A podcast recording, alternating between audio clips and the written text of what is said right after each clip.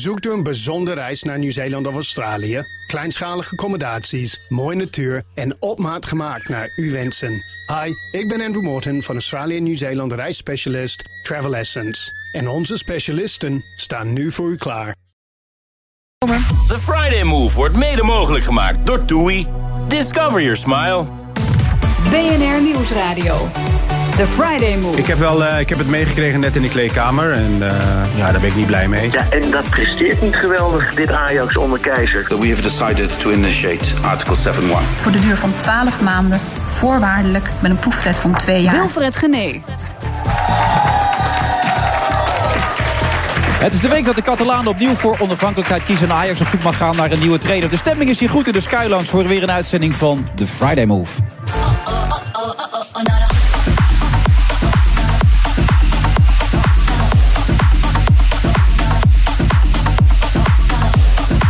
Staan nog hoopvol te kijken. Ik weet niet of ze nog een keer gaan applaudisseren... of de producer dat nog een keer voor elkaar kan krijgen. Maar Yvette van Boven is in rap tempo uitgegroeid tot een culinair fenomeen. Ze heeft niet één, maar twee kookboeken uitgebracht. En ze is hier tot half zeven, althans ze komt zo binnen... en dan, dan probeert ze tot half zeven te blijven. Maar dat weet je nooit helemaal zeker. Een emotionele uitputtingsslag. Dat was de Dakar Rally van 2017 voor autocoureur Tom Coronel. En hij maakt er een documentaire over. De foto's van Ober Schumacher die staan elke dag op Instagram. Maar hij heeft er nu ook een fototentoonstelling van gemaakt. Dus ongelooflijk natuurlijk. Dat allemaal in deze show. DJ Thomas Robson. Ja, dames gaan nu weg. Dat is ook wat. We gaan allemaal weg, zeg. Het is nu in één keer helemaal stil hier. Ja, ze toch nog één keer kunnen laten applaudisseren, Paul. Dus hele, uh, uh, hele professionele radio is dit ook. Hè? Om gewoon op zender nog even tegen de producer te zeggen... dat hij die dames nog even had moeten laten staan. Maar dat is de Friday Move zoals altijd natuurlijk. Uh, vrijdag 22 december. onze gast is iets te laat. Die vet van boven die stond namelijk bij ehm, Dauphine. Daar hebben we ook uitzending. Daar kwam net die autoshow en zo vandaan. Maar wij zitten vaak op locatie. We zitten vandaag in de Sky Lounge van het Doubletree bij Hilton Hotel. Gelukkig is ook Bernard Handelburg hersteld en wel weer aanwezig. Bernard, even het uitzicht. Kun je even een korte beschrijving geven van wat we hier zien? ben letterlijk en figuurlijk in de wolken. Dat is, uh, ja. zou ik maar zeggen. We zien helemaal niks. We zien helemaal niks. En geen fluit. Normaal heb je hier echt het mooiste uitzicht van de wereld. Maar uh, echt helemaal niks. Ja. Ik zie Paul met een klein kaarsje lopen. Nou, dat lijkt me heel zinvol in dit geval. Ja, Paul is voor ons duidelijkheid de, de, de producer. De man die altijd alles regelt. Zoals vorige week ook in Oostenrijk. En tot diep in de nacht heeft hij daar heel hard gewerkt... om de uitzending goed voor elkaar te krijgen. Tot heel diep in de nacht heb ik begrepen zelfs. Uh, Bernhard, even jouw onderwerp. Het, het, het, is nogal wat wat er allemaal in uh, Israël gebeurt. En met name Amerika wil dat Jeruzalem de hoofdstad wordt. Maar het wordt niet door iedereen zo gezien, hè? Nee, het is een, hele wonderlijke zaak. Je weet, Donald Trump heeft tijdens de verkiezingscampagne... een aantal, dingen beloofd, waaronder... Um, dat hij de Amerikaanse ambassade zou verplaatsen van Tel Aviv naar Jeruzalem. Dat is een hele omstreden onderwerp. Omdat in, ik zal maar zeggen, de internationale afspraken daarover... Um, altijd is gezegd. De, de, de status van Jeruzalem, van wie dat nou precies de hoofdstad is, mm -hmm. Palestina of Israël of allebei. Uh, de status van Palestina zelf, of dat nou een aparte staat is of niet. Daarmee wachten we in principe totdat we het hele pakket van een vredesvoorstel klaar hebben liggen. En dan doen we dat in één keer. Uh, en Trump heeft gezegd, ja, daar ga ik niet op wachten. Uh, ik, ik, ik zet vast een stap, dus ik, ik erken nu al uh, Jeruzalem als hoofdstad van Israël... en ik ga ook mijn ambassade daarheen verplaatsen. Dat heeft enorme commotie gegeven. Er kwam een resolutie in de Veiligheidsraad uh, die zich daartegen verzette. Uh, alle 15 leden. Uh, 14 leden hebben voor die resolutie gestemd, dus tegen dat Amerikaanse voorstel. Amerika heeft het door een veto tegengehouden. Mm -hmm. En toen heeft een aantal, voornamelijk Arabische landen... Uh, een hele handige zet gedaan. Die heeft namelijk de zaak voorgelegd aan de Algemene Vergadering van de Verenigde Naties. Dat zijn dus alle leden. Ja. Die hebben daar allemaal stemrecht. Daar geldt geen veto. Besluiten van die algemene vergadering hebben ook juridisch geen betekenis. Wel politiek. Maar symbolisch vooral al belangrijk. En ja. daar is nu ik geloof met 129 tegen 9. Ja, een resolutie. 128 heb ik Kan ook, maar goed, maar... is ook, en er zijn een paar onthoudingen Als jij geweest. zegt 129 vind ik het ook goed. Ja. Jij, jij hebt altijd gelijk. Nou, um, en, zeg mijn vrouw niet. Uh, uh, um, maar goed, die, die resolutie kwam erop neer... is wij lopen niet vooruit op de eindafwikkeling. Dus er stond niet met zoveel woorden in... we verwerpen dat Amerikaanse idee, maar we lopen niet vooruit Ja. op de eindafwikkeling. Die is aangenomen en daarmee is Amerika ja, te kakken gezet. Maar. Trump heeft nu toch aangekondigd de geldkraan dicht te draaien voor alle landen die dat hij besluit zei, hij, zei, hij zei, en dat heeft Nikki Haley, zijn ambassadeur, ook in de, in de algemene vergadering eh, herhaald. Eh, wij gaan heel goed opletten wie eh, tegen ons zijn. En landen die altijd maar op onze zak willen leven, geld krijgen. En Maar in steun. dit geval zijn dat wel heel veel landen waarschijnlijk Ja, dan. ja, ja, ja, Die dat gaat hij dan... Ja, die, die, knijp, Boycotten. die knijpen dan allemaal dicht. Want eh, wij maken zelf uit wat ons buitenlandbeleid is. En we laten ons niet corrigeren door allerlei landen. Daar kan hij toch helemaal geen gestand doen? Nee, en dat kan hij geen gestand doen. Eh, Gaat, ik denk ook niet dat het gaat gebeuren, maar misschien bij sommige landen wel. Ehm, eh, andersom zeggen die landen, ja, maar luister eens, wij laten ons in eh, onze eh, buitenlandpolitiek echt niet de wet voorschrijven door Amerika. Nee. Die, die mogen vinden wat ze vinden, maar wij vinden iets anders. Dus, dus wij verzetten ons daartegen. Maar de vraag is natuurlijk. Wat speelt er? Waarom doet hij dit allemaal? waarom wil hij het zo graag? Dat Dat, is dat is waar ik. En Ja. eerlijk gezegd, dit is, dit is een lastige. Meestal snappen we het wel. Ja. Maar ik dacht, wie doet hij nou met deze hele kwestie een plezier? Zijn eigen kiezers in Amerika, dat betwijfel ik zeer. Want ja, dat zijn mijnwerkers uit Kentucky... Ja. en metaalwerkers uit eh, Pittsburgh, Pennsylvania. Kan die dat nou zoveel schelen?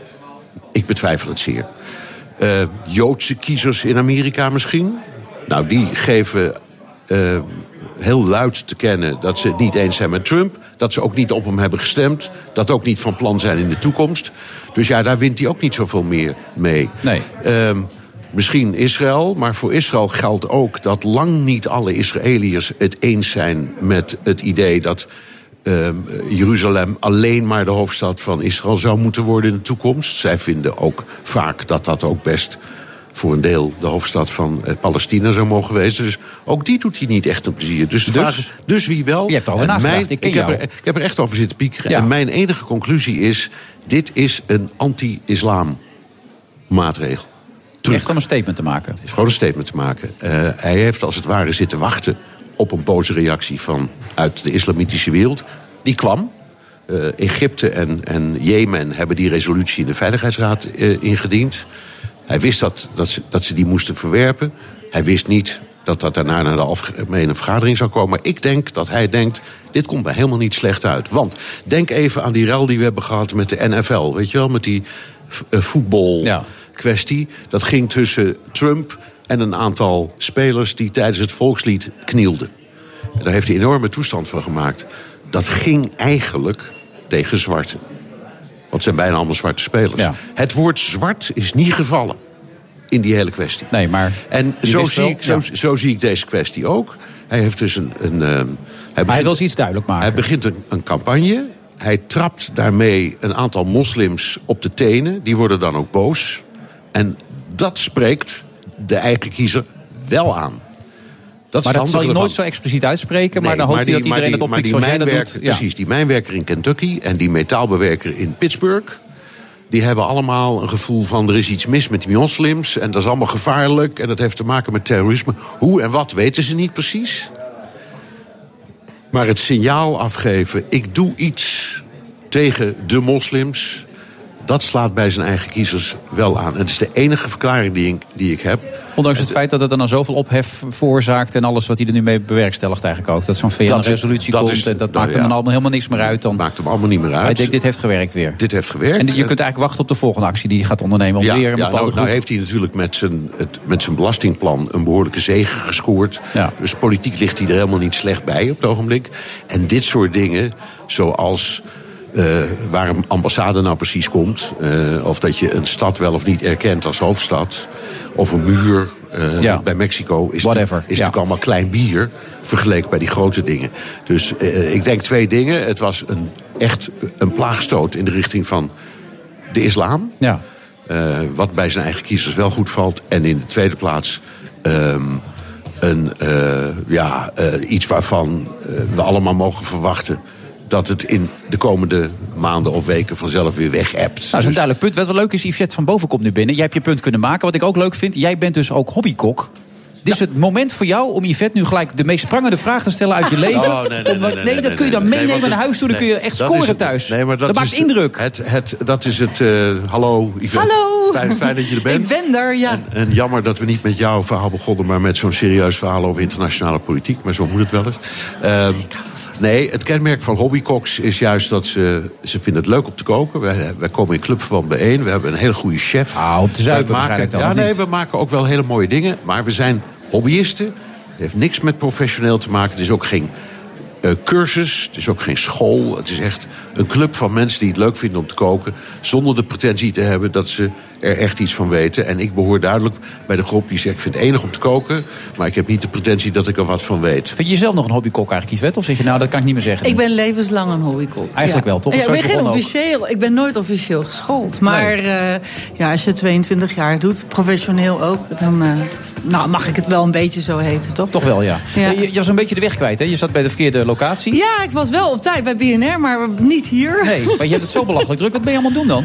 Nou, nogal veel. Ja, vanwege die boeken allemaal die Vanwege die boeken allemaal, ja. ja, ja ik heb er eh, twee geschreven. En eh, dat eh, brengt wat meer met zich mee dan ik had eh, verwacht. Onze eindredactrice probeerde jou te bereiken. Maar jouw PA, of een van jouw PA's, die zei... Ja, nee, sorry, vet. Niet bereikbaar. Ongelooflijk druk. Lastig. Erg, Moeilijk. hè? Ja. Ja, heel erg. Maar ik, ik ben er. Als hobbykok vind ik dat toch wel bijzonder. Allemaal mensen die je gewoon afschermen enzovoort. Dat is best knap. Ja, ik heb een aantal mensen die, me, eh, die een hele hoop werk van mij uit handen nemen. Ja. Maar, eh, nou, maar ik ben er nu. Ja, dat is heel en belangrijk. ik blijf er de hele middag. Ja, maar heb je nog een gouden tip voor Bernard? Je zegt als hobbykok, hou dat altijd in gedachten, Bernard. Nou, ik vind het enig. Ik hou ervan als mensen het leuk vinden om een beetje moeite te doen om Ja. wat te koken. En Dat is eh, heel leuk. Ik vind het altijd erg als mensen een recept beginnen en dan zeggen: "Pff, wat een hoop werk. En dan denk ik, nou, Ja, het dat valt goeie. toch wel goeie, mee. want er is een verschil tussen eten klaarmaken en koken.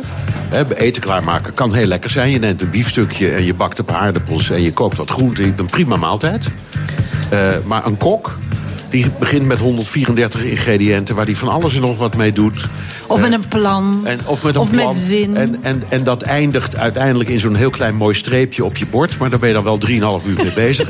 Dat is koken. En, dat, en de, de lol... Oh, bij mij eindigt het niet in een Nee, streepje nou hoor. ja. Was de, het maar zo De lol van het werken met al die ingrediënten... en dan iets maken wat net weer wat mooier is dan alleen dat op zichzelf prima biefstukje... dat is de uitdaging van echt koken. Je bent deskundiger dan jezelf wil voor doen voorkomen. En, als en, dat, en dat is wat Yvette doet en wat ik, waar ik alleen maar met bewondering naar kan kijken. Ja. Al dus eh, Bernard Handelburg. Hersteld gelukkig weer. Daar ben ik blij om, heer Bernard. Bedankt voor deze opening. Geniet van het uitzicht, zou ik willen zeggen. We spreken elkaar zo na de reclame.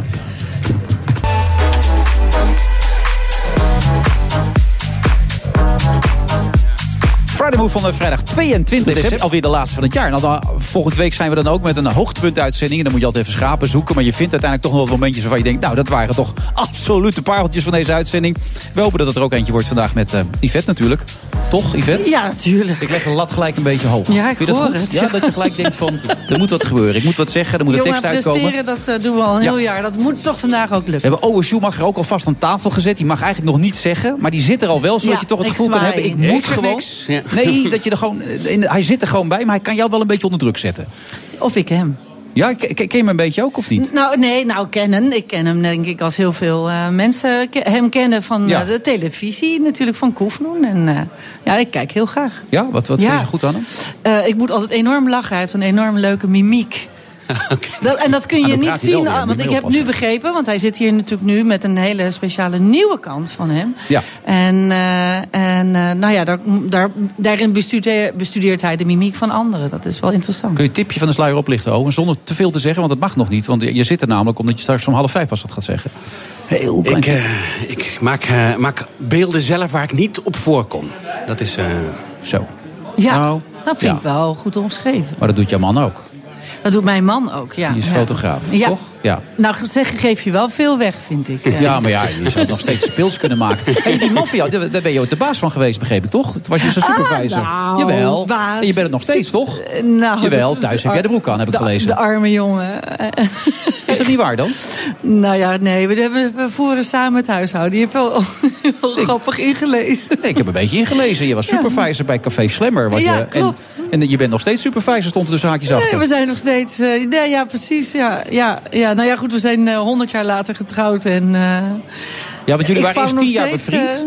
En, Ja. en, en jij kende zijn ex-vriendin heel goed. En hij kende Ja. jouw ex-vriendjes heel goed. En toen op een gegeven moment kwam er wat spanningen. Toen kwam je binnen dacht je, hé hey, verrek, het is misschien wel een hele leuke gozer na tien jaar. Hoe kan het eigenlijk na tien jaar pas dat je dat ziet? Ja, dan? nou ja, goed. Ja, god, als je allebei eh, bezet bent en je bent bevriend, dan denk je daar nooit over na. ja, en toen moest, Zo je die, zijn we. moest je die stap maken of je die vriendschap wel op het spel wilde zetten. Spijt van gehad? Nooit. Nee? Nee. Je bent blij? Ongelooflijk blij. Maar we vonden het heel spannend.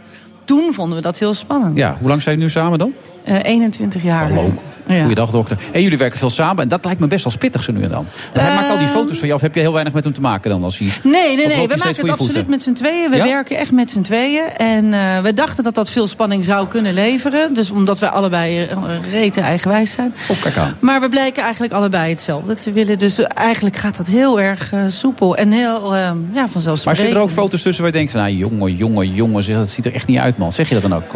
Nee, maar ik mag ze plaatsen. Want ik, maar, het komt niet voor. Nee, Nee? het komt niet voor. Want we kijken samen door de lens eh, om ons de beurt. En dan beslissen we wanneer er op het knopje dus? gedrukt Ja? wordt. Nee, nee, nee. nee, even nee. voor de duidelijkheid, Nee, nee, eh, nee. De, uiteindelijk een fotografie is over echt de baas. Ja. Oké, Ja. ken jij Yvette trouwens? Had je dat wel eens gezien? Nou, ook alleen van televisie. en? eh, Vind je haar mimiek leuk of niet? eh, ja, sowieso, sowieso. Maar ik vind sowieso haar... de- je, je proeft door het scherm de passie voor het maken van eh, lekker eten. Dus dat is, eh, dat is heel fijn om naar te kijken, vind Ja. ik. Dat je, Ah. ja, het gaat niet om, om, de, om, het, om, het, om het gedoe of zo, maar om een soort van... eh, Het is echt, pure, niet van, ja. die, van die dames die opeens iets overkomen is. Die denken, trendy, ik ga het ook doen. Bij, bij Yvette is het vanuit het hart. Ja. Zo mag je het omschrijven, toch? Ik probeer dat het... denk ik. eh, Want tenminste, dat, zo ziet het er wel uit. Dus dan heb je het heel goed eh, eh, eh, eh, gebracht. in ieder geval. nou ja, anders ja, is ze een wereldactrice. Dat is... eh, ja. Nee, nee, maar dat geloof nee, ik nee, niet. nee, ik ben wie Ja. ik ben en dat is het dan. Ja. Nou, maar zo was het in jouw jeugd. Je woonde in Ierland, er was niet veel. Je had één pop, één pan en je stond gewoon de hele dag te koken. En, en tekeningetjes te maken. Dat Ja. was toch het leven? Ja, nee, dat is absoluut helemaal goed omschreven. Ja, ja. en daar is er nooit meer uitgegaan. Nee. Ja, even het ontwerpbureau met je zus, maar dat ging allemaal nergens over natuurlijk. Dus op een gegeven moment is die passie helemaal boven komen drijven. Ja. En er is nog elke dag de passie? Of er zit er ook Het dagen is tussen? elke dag de passie. Sterker nog, ik heb nu eindelijk vrij. Toen dacht ik, oh jee, ik mag weer gaan koken. dus ik heb allemaal boodschappen gehaald vanmorgen. En eh, ik kan niet wachten. Dus ik ga morgenochtend beginnen voor het hele weekend. Ja, ik vind het dus heel leuk. Even een van de mooiste dingen, daar hou je misschien ook wel van, verbeelding.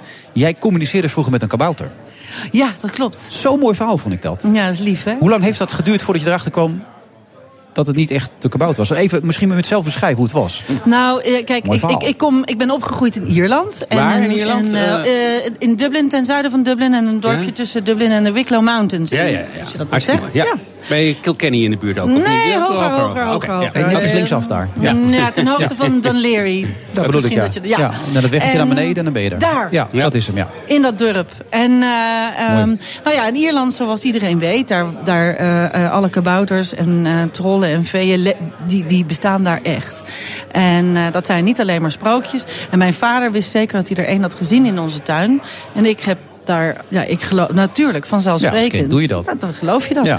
Dus ik mocht brieven schrijven naar hem. Ik schreef daar lange brieven aan. En ik kreeg altijd. Maar die leg je onder een post steen s'avonds? Ja, onder een grote steen. Dus halverwege onze ach- eerste achtertuin. We hadden er twee achter elkaar. Mhm. En de eerste, vlak achter de keuken. Daar bij de tweede heester. Onderin, daar zat een kuil. Mooi, en daar Ja. moest ik het. Ja, ja, ja. denk dat en daar soort moest ik hem inleggen. waar je hem dan ja, ja, ja, maar dat is toch ja. spannend. Maar ik vind het ook heel leuk en fantasierijk van mijn vader dat hij dat zo kon brengen. Ja. En dan ook altijd van, oh, ik zie hem lopen. En altijd als ik dan keek, dan was hij natuurlijk net weg. Maar ehm, ja, dat... En dan lag ehm, daar altijd een antwoord klaar. ja, hij schreef altijd later een antwoord. En het leuke is, later zag ik... Mijn vader was landschaparchitect. En dat was nog in eh, pre-computer tijdperk. Dus hij maakte alle tekeningen met de hand. En ik weet nog dat ik een jaar of twaalf was... en ineens door had van... dat zijn papa's lettertjes. Ja. Want papa maakte... Of papa, Victor maakte... Van die, hij maakte apart- aparte E's. Een soort C met een streepje erin. Dat waren een soort hele mooie letters. En eh, ehm, ja... En daar schreef hij ook mee als kabouter zijn. wat En, deed en dat de kabouters antwoorden ook eh, in het Nederlands, of niet? eh, in Ierland? Weet ik niet meer. Nee, ik denk in het Engels. Ja, Ja, ja. wij waren na een paar jaar spraken wij volledig. Engels. Ja. ja. Maar was je boos? Teleurgesteld? Verdrietig? Nee, Nee? nee, nee, dan ben je ook al groter. Vond ik het wel mooi. Oké. Ja. Mijn dochter was laatst heel boos op mij over Sinterklaas. over Sinterklaas, ja. Hoe ik het in mijn hoofd heb gehad om het überhaupt... Mijn ouders hebben mij overigens ontzettend lang in Sinterklaas laten geloven. Want mijn zusje was veel jonger dan ik. Ja. En wij wonen in Ierland en bestond Sinterklaas natuurlijk helemaal niet. Dus mijn ouders dachten, nou, er is ook niemand op de lagere school... die mijn zusje kon vertellen dat Nee, niet zo zo rond je was. 26e kwam je erachter dat Sinterklaas nog ik niet was helemaal terug in Nederland. Dus was ik de enige Nederlandse kind van die leeftijd die nog geloofde. Ja. Ja, ik hoor die muziek. Dat betekent dat we even klaar zijn. Je mag bijna. Je mag bijna. Ben, ben je er klaar voor? Of Ik ben er klaar. Ja, je bent er klaar voor, hè? Ja, ik zie hem klaar zitten, hoor. Die Ik krijg Schumacher. een lekker kopje thee met allemaal heerlijke dingen erbij. Ja, is goed voor de lijn. Ja, heerlijk. Nou, tot zo. BNR Nieuwsradio.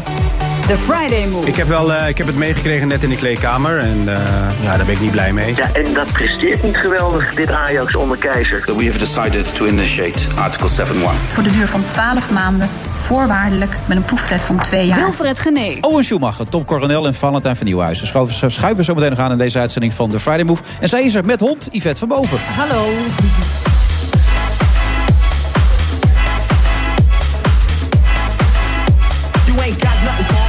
En dat allemaal vanuit een dichtgeslagen skylands van het Doubletree bij Hilton Hotel. U kunt langskomen als u het wilt. En de muziek is zoals altijd van DJ Thomas Robson.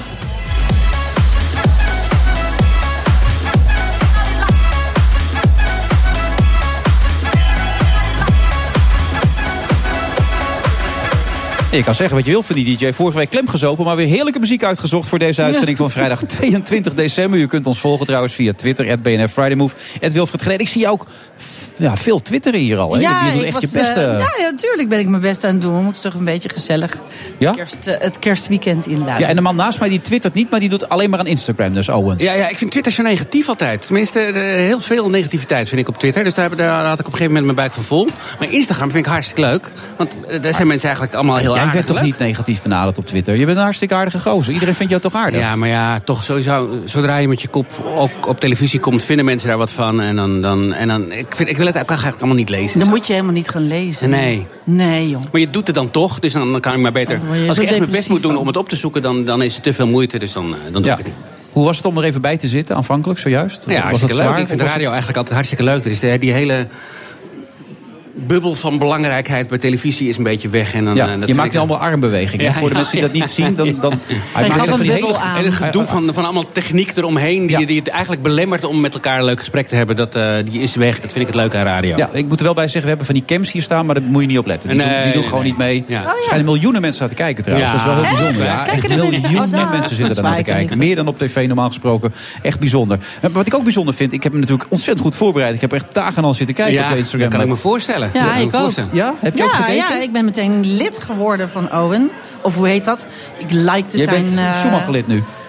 Ja, Ja. ja. Nee, eh, eh, op, op. Schumacher Owen op Instagram. eh, ja, daar kunnen jullie mijn foto's bekijken. Ik probeer elke dag een foto te plaatsen. ja, dat vind ik ook. Ik ben enorm productief.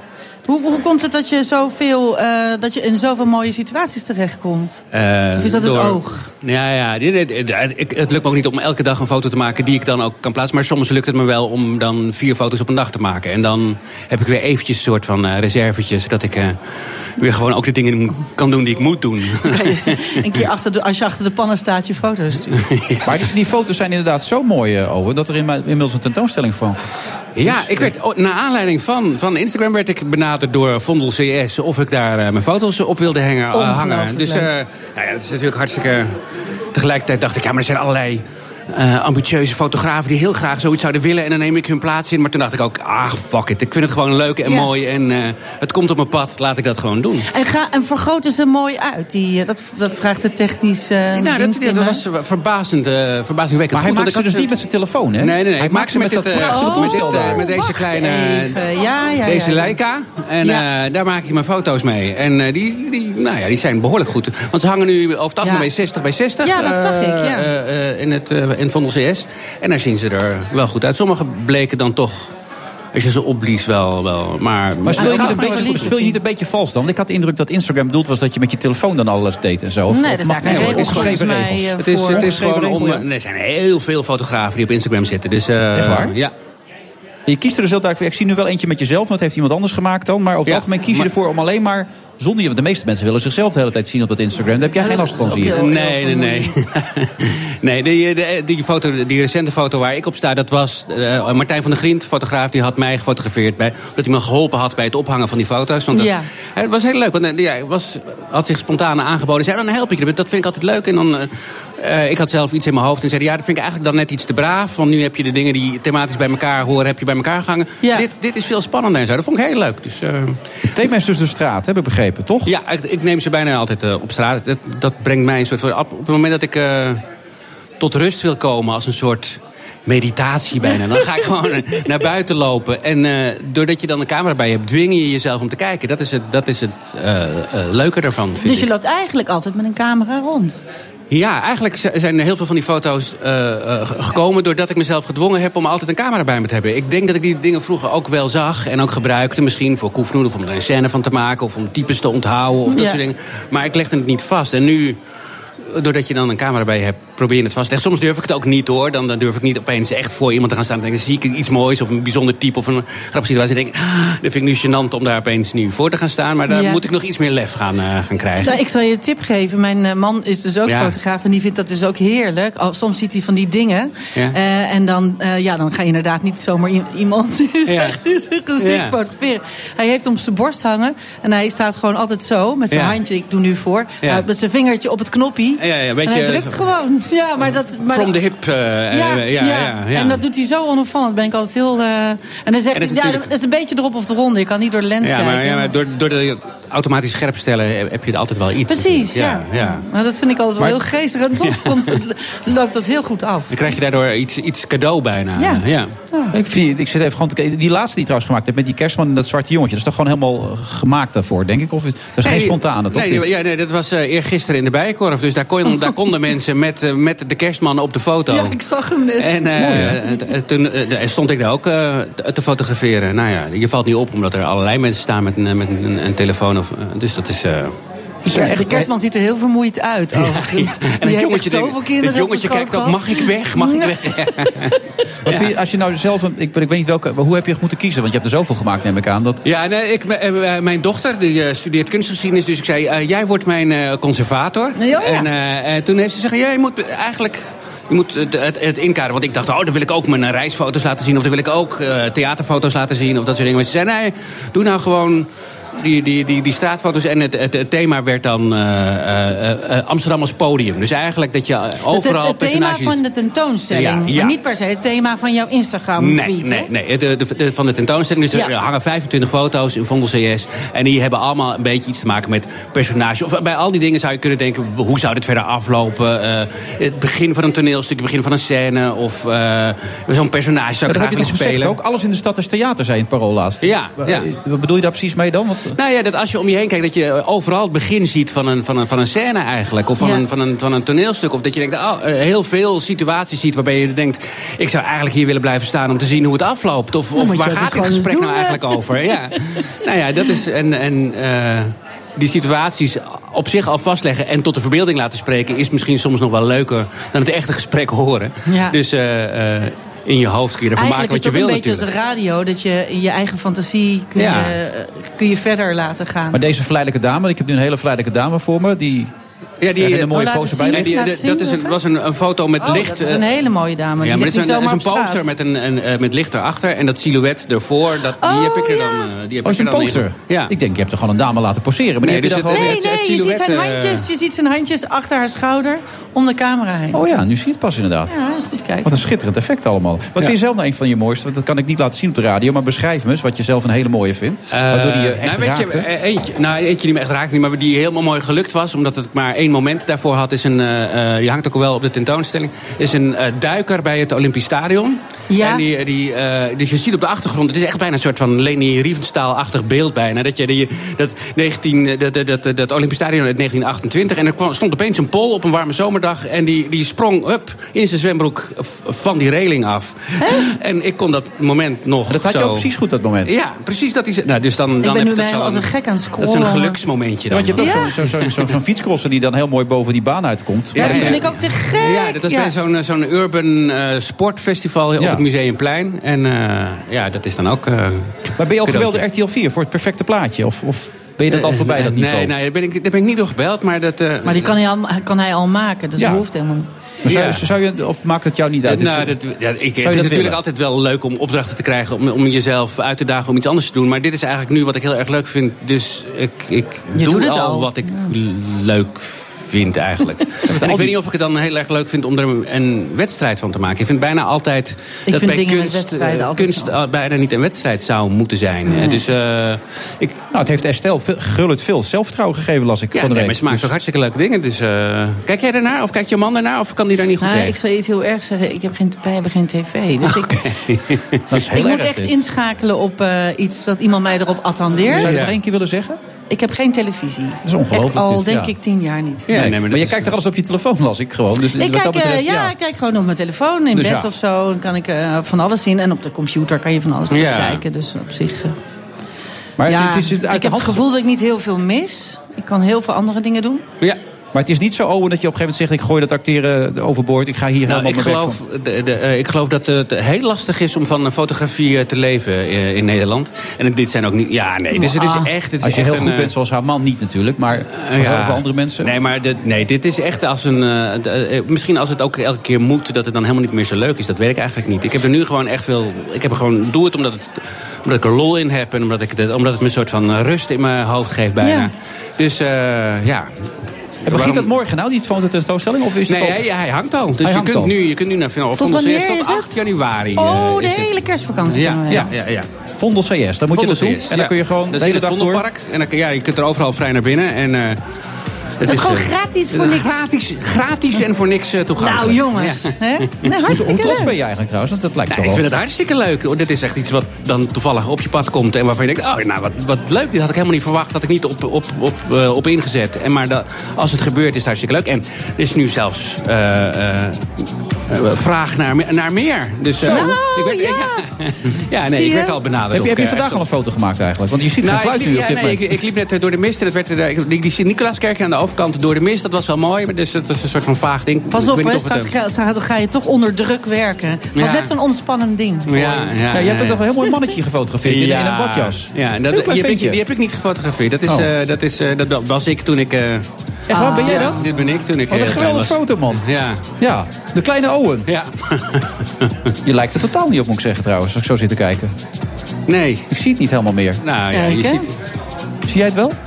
Op de radio weet niemand waar het nu over gaat. Hè? Nee, nou, we kijken nu naar een... eh, Maar dat is ook leuk, maar dan gaan mensen nu allemaal op jouw eh, account kijken, kijken. ja. Heel goed, heel goed. Eh, nee, ik had je er ook niet meteen uitgehaald. Wel een ongelooflijk leuk ventje. Een hele leuke kamerjas. Nou ja, Ja. Die, die had ik er inderdaad op mijn 50ste verjaardag dan opgezet, geloof ik. Oh, gefeliciteerd. Ja. Nou, hartstikke leuk Owen. Morgen met z'n allen hup, naar het Vondelpark toe. Nou ja, jullie zijn allemaal van harte welkom. Ik ben er misschien niet, maar eh, ik ben er niet de hele tijd. Ik ben niet de kaartjescheurder van de, van de Oh, afdeling. Goed om dat te weten. Ja. En binnenkort weer op tv neem ik aan. Eh, dat weet ik eigenlijk nog niet precies. Want Oh. eh, het laatste wat we gedaan hadden was dat... eh het was door de week. Ja. En het was Ja. niet helemaal geworden wat we ervan gehoopt hadden. Nee. Waarom niet? Dus er zijn eh, eh, binnenkort eh, besprekingen hoe we daar misschien toch nog eh, ja, ja, ja. Nou, heel veel succes daarmee dan. ja, dankjewel. Wij gaan zo weer verder Ja. met eh, Tom Coronel. Njau, njau.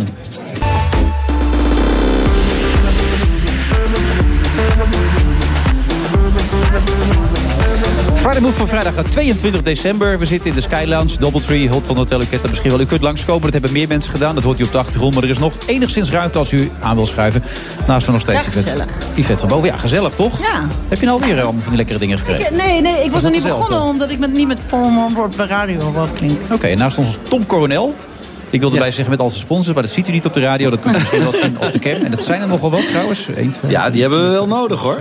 Echt waar? Allemaal voor Dakar is Ja, dit. dus Dakar is toch, ik denk als je een budget eh, tegen, tegen een miljoen eh, euro ben je toch wel kwijt. Dus ja, het is een beetje zonde als je dat allemaal zelf En al die, kost. al die partijen die hier nu op staan, die hebben dat mogelijk gemaakt. Ja, ja, dat klopt. Is Al, het dan eh, ook break-even of moet je nog zelf wat bijleggen? Ehm, nou ja, wij geven uit wat er binnenkomt. Dat is eigenlijk een beetje het, eh, het systeem. En eh, ja, we schieten er hier en daar af en toe een klein beetje bij in. Maar ja, dat, dat geeft zoveel eh, reuring om, om Dakar zelf heen. Dat, eh, dat op het grote plaatje is het, is het oké. maar voor dit bedrag kun je meedoen of niet dan? Ja. Ik bedoel Ja. ook serieus meedoen? Ja, eh, helemaal dit jaar. Eh, dit jaar hebben wij een hele dikke brute bak. En, Een eh, dikke, ja, brute bak, Yvette. Ja, ja, ja. Dat ik- zijn teksten. Ja, Ja, het is, het is iets anders. Het is Amerikaans. Het is, het is eigenlijk een beetje een mini-truck. Vorig jaar reed ik natuurlijk helemaal in mijn eentje in een buggy. Um, ja, dan, dan ben je, dan ben je eigenlijk... gek in je hoofd? Als je, bedoel, dat is toch enorm zwaar, of niet? Um, ja, het is geestelijk heel zwaar. Ik denk lichamelijk niet super zwaar. En tuurlijk moet je wel, uh, wel er een beetje bij zijn. En, uh, en, uh, en sportief moet je je wel een beetje op voorbereiden. Maar wat het is, is echt een uitputtingsslag. Dus weinig slaap, ruige omstandigheden. Heel heet, heel koud, slecht eten. Omdat je daar eigenlijk helemaal geen tijd voor hebt. Ja, en dan, dan wil de organisatie dat je gaat breken. En dat, dat klopt ook. Want ja, ik, ik ik heb wel een paar keer gehuild, zeg maar. Nou, onderweg. je hebt een documentaire gemaakt, 400 minuten materiaal volgens mij. Ja, klopt. Ja, materiaal ja. gemaakt. En uh, Dakar, Binder, dan net, dat is aanstaande zaterdag. Klein stukje. Ja, ik weet niet meer waar ik ben. Roodboek klopt niet meer. Daar ergens midden in de modder. Ergens in... Uh, in uh, Mamma mia. Nou, wie de dagelijkse ever.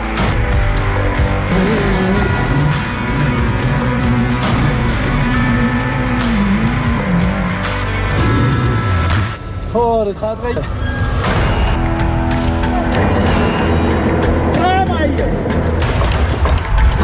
Staat hij weer te janken? Klopt. Gek worden. Krijgen. Ah. Ik ben moe, maar happy tegelijkertijd.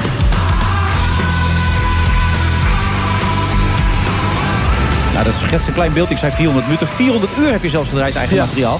En ja. je hebt staan jankers nu en dan ook. Ja, ik had een, uh, ik had een camera bij me. Een uh, selfiecam. Dat hadden ze via RTL 7 hadden ze geregeld. Uh, een, een, een tomcam noemden ze dat. Ja, en omdat ik zo vaak alleen was. Ja, dan ga je eigenlijk een beetje één worden met, met de camera. Dus ja, je, je gaat een beetje vertellen wat je meemaakt. Een beetje de omgeving ook echt, echt laten zien. Ja, en dat hebben ze ook de huiskamer ingebracht. En dat, dat gaf wel meer achtergrondstories van, van de rally zelf. En ja, op een gegeven moment slaap je zo weinig. Yo, ik, ik denk dat ik tien keer per dag heb gejankt. Ik, ik, en weet je, je bent zo moe dat je het niet meer door hebt. En dan kan je nog zo'n stoere jongen zijn, maar je breekt gewoon. Ja. ja. Toch herken ik er iets bij jou bij. Als je ergens opgooit, dan ga je ook volle bak, toch? Begrijp ik. Nou, dan ben je ja, ook niet ja. meer te stuiten. Nee, dat is... Uh, dus dat... dat uh, uh, eind van de periode, dan ben je ook een stuk. Ja, en denk ik, waarom doe ik dit? Waarom doe ik nee, oh, Kijk, weet je, dat is het raar. Een Dakar is maar één keer per jaar. Ja. Dus, dus als je opgeeft, dan weet je dat je weer een jaar moet wachten. Ja, en dat, dat verdom je gewoon. Dat wil je niet. En je weet dat de organisatie wil dat de helft van de rallyrijders uitvalt. Ja, je bent er niet zo willen dat, dat. Ze willen dat de helft uitvalt. Ja, ja maar, dat wat, is... Hoe start je? Wat is het precies? Het is een enorme tocht. Ja, het is een tocht door, uh, in, uh, nou ja, aankomend jaar is dan door Peru, Bolivia en Argentinië. En ja, maar het is niet alleen door de woestijn, want dat denk ik. Nee, nee, het is gewoon een ruig terrein. Zo ja. moet je het een beetje zien. Uh, en in Argentinië zit je dan, nou ja, eerst op sea level en daarna ga je naar 2000 meter. In Bolivia zaten we zelfs op 5000 meter. Zaten Oh. we zes dagen boven de 3000 meter. Nou, dan krijg je heel weinig zuurstof. Ja, ja, dus ook daar heb je, ja, weet je, als je, als je eventjes een, een, een colaatje gaat train je halen, daarvoor? dan ga je kapot. Ik lig nu in een tent. Ik lig in een hoogte, hoogtetent te Thuis. slapen. Thuis, Ja. 2500 meter. Gezellig, toch? Of niet? Dat klopt. Uh, het is een Hoe beetje doe je dat? Maar wacht even, ha, ha, ha. Wat, is een, wat is een thuis 2500 meter ik heb tent? een uh, appa- apparaat staan. Ja? En die simuleert de zuurstof die je hebt in de berg op 2500 meter hoogte. En dat Zo. meet ik ook. Dan heb ik zo'n uh, clip op mijn vinger. En Ja. heb ik dus, je, een normaal mens heeft, ik zeg even uit mijn hoofd, uh, 97 uh, uh, procent uh, zuurstof. Ja. Uh, en ja, dan zie je, ik word 's ochtends wakker met uh, 91 of zelfs 90 procent. Want in die tent wordt heel weinig zuurstof uh, gestopt. Dat is een apparaat die erop aan zit. Die tent die is helemaal afgesloten met een rits. En hij is wel uh, Je ligt daar alleen? doorzichtig. Ik wil zeggen, Ik lag daar alleen. Ja, Ja? dat klopt. En ik Ja? keek uh, naar, uh, naar mijn vrouw, die samen met mijn zoontje in bed lag te pitten. Ja.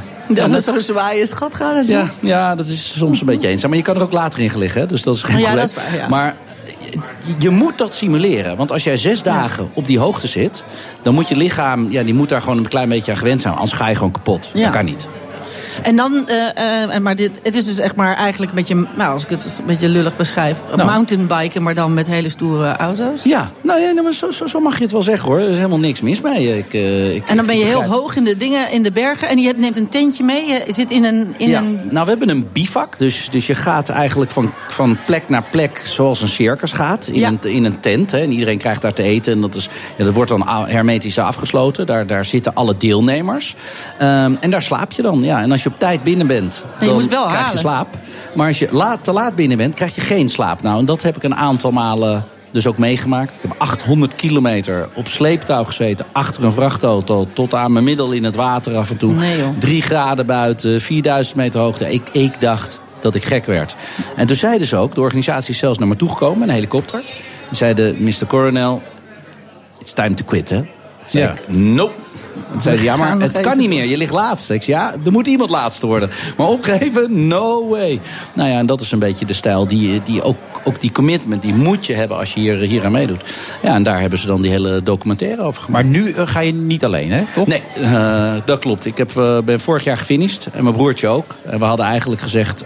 Als je finisht, eh, wij met z'n tweetjes. We zijn de enige twee solo-rijders die ook gefinished zijn. Dus om aan te geven hoe Ja. eh, zeg maar, eh, gek je moet zijn om mee te doen. Het zit in de genen waarschijnlijk ook. Ja, we, we, we challengeden elkaar misschien een beetje too much. En daardoor eh, werd de lat wat hoger. Maar we gaan nu met z'n tweeën inderdaad. In een hele grote... Brute bak. eh, brute bak, inderdaad. brute bak.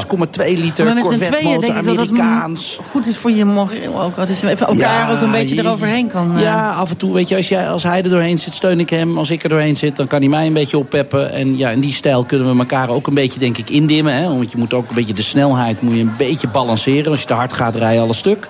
Ja, en zo Ja. proberen we dan die 15 dagen door te brengen met z'n tweetjes. Ja, nou, laatste zal niet gebeuren, toch? Dat gebeurt je één keer. Of, of... Eh, hoe bedoel je? nou ja, je bent nu laatste geworden, toch? Ja, ja, zeker weten. Slechter kan het niet, dus. Eh, Maar hij heeft dat 125 gehaald. uur. Dat is Ja, toch dat is- wel eh, ja. niet normaal? Nou ja, in, alleen ze zijn enorm is niet normaal. die twee namelijk, Daar, dus- daar, daar ben, ik het, eh, ben ik het wel mee eens. 125 uur heb ik er langer over gedaan dan de winnaar. Dat is vijf dagen. En de rally was maar 15 dagen. Dus kan je ongeveer wel voorstellen eh, dat ik wat later binnen was.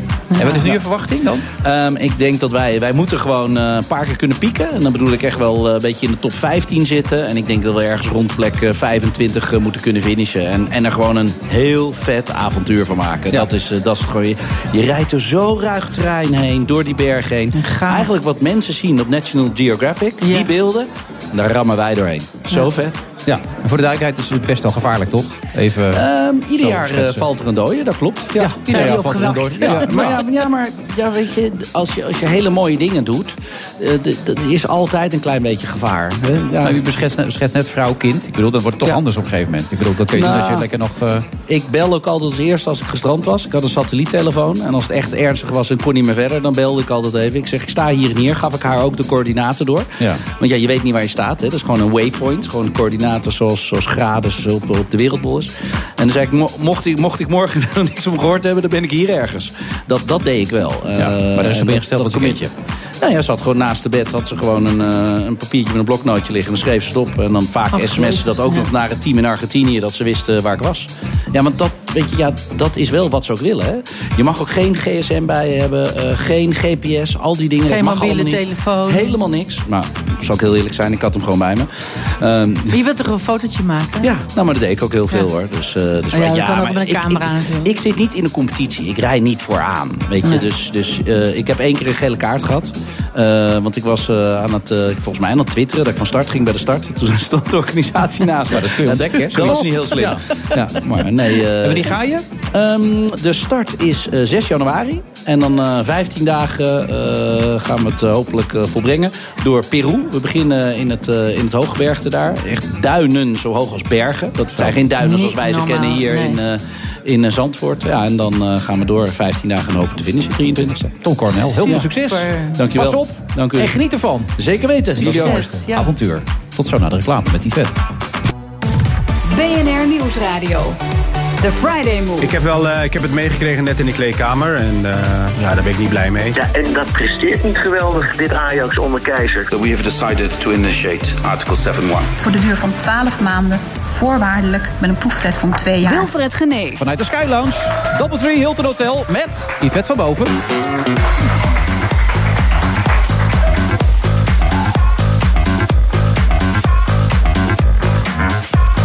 Yvette van Boven groeide op in de keuken. Dat heb ik zojuist al een klein beetje verteld. En heeft uiteindelijk ook nog wat werk van gemaakt. Eerst een beetje ontwerpen met haar, met haar zus. En dat was uiteindelijk niet leuk. Eh, het eerste Nou, dat was boek- ook leuk. Nee, maar was lang niet zo leuk. Maar dat was lang niet zo leuk. was Nee, het? was lang niet zo leuk. Ik zit nog in mijn intro, Yvette. Maar dat maakt niet uit, ik lul gewoon door. Homemade werd het eerste kookboek. En dat werd ook een kookboek van het jaar. Hele wereld vertaald. Tot half zeven zit ze hier gewoon om alles over te vertellen. En Farid Azarkan is ook aanwezig. Tweede Kamerlid voor Denken. Hij schuift zo op de naam.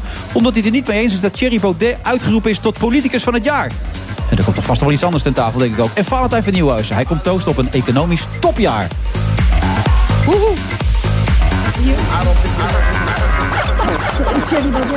Ja, nou komt mijn eindredacteur zo over mijn schouder meepraten. Dat is een hele leuke vraag geest.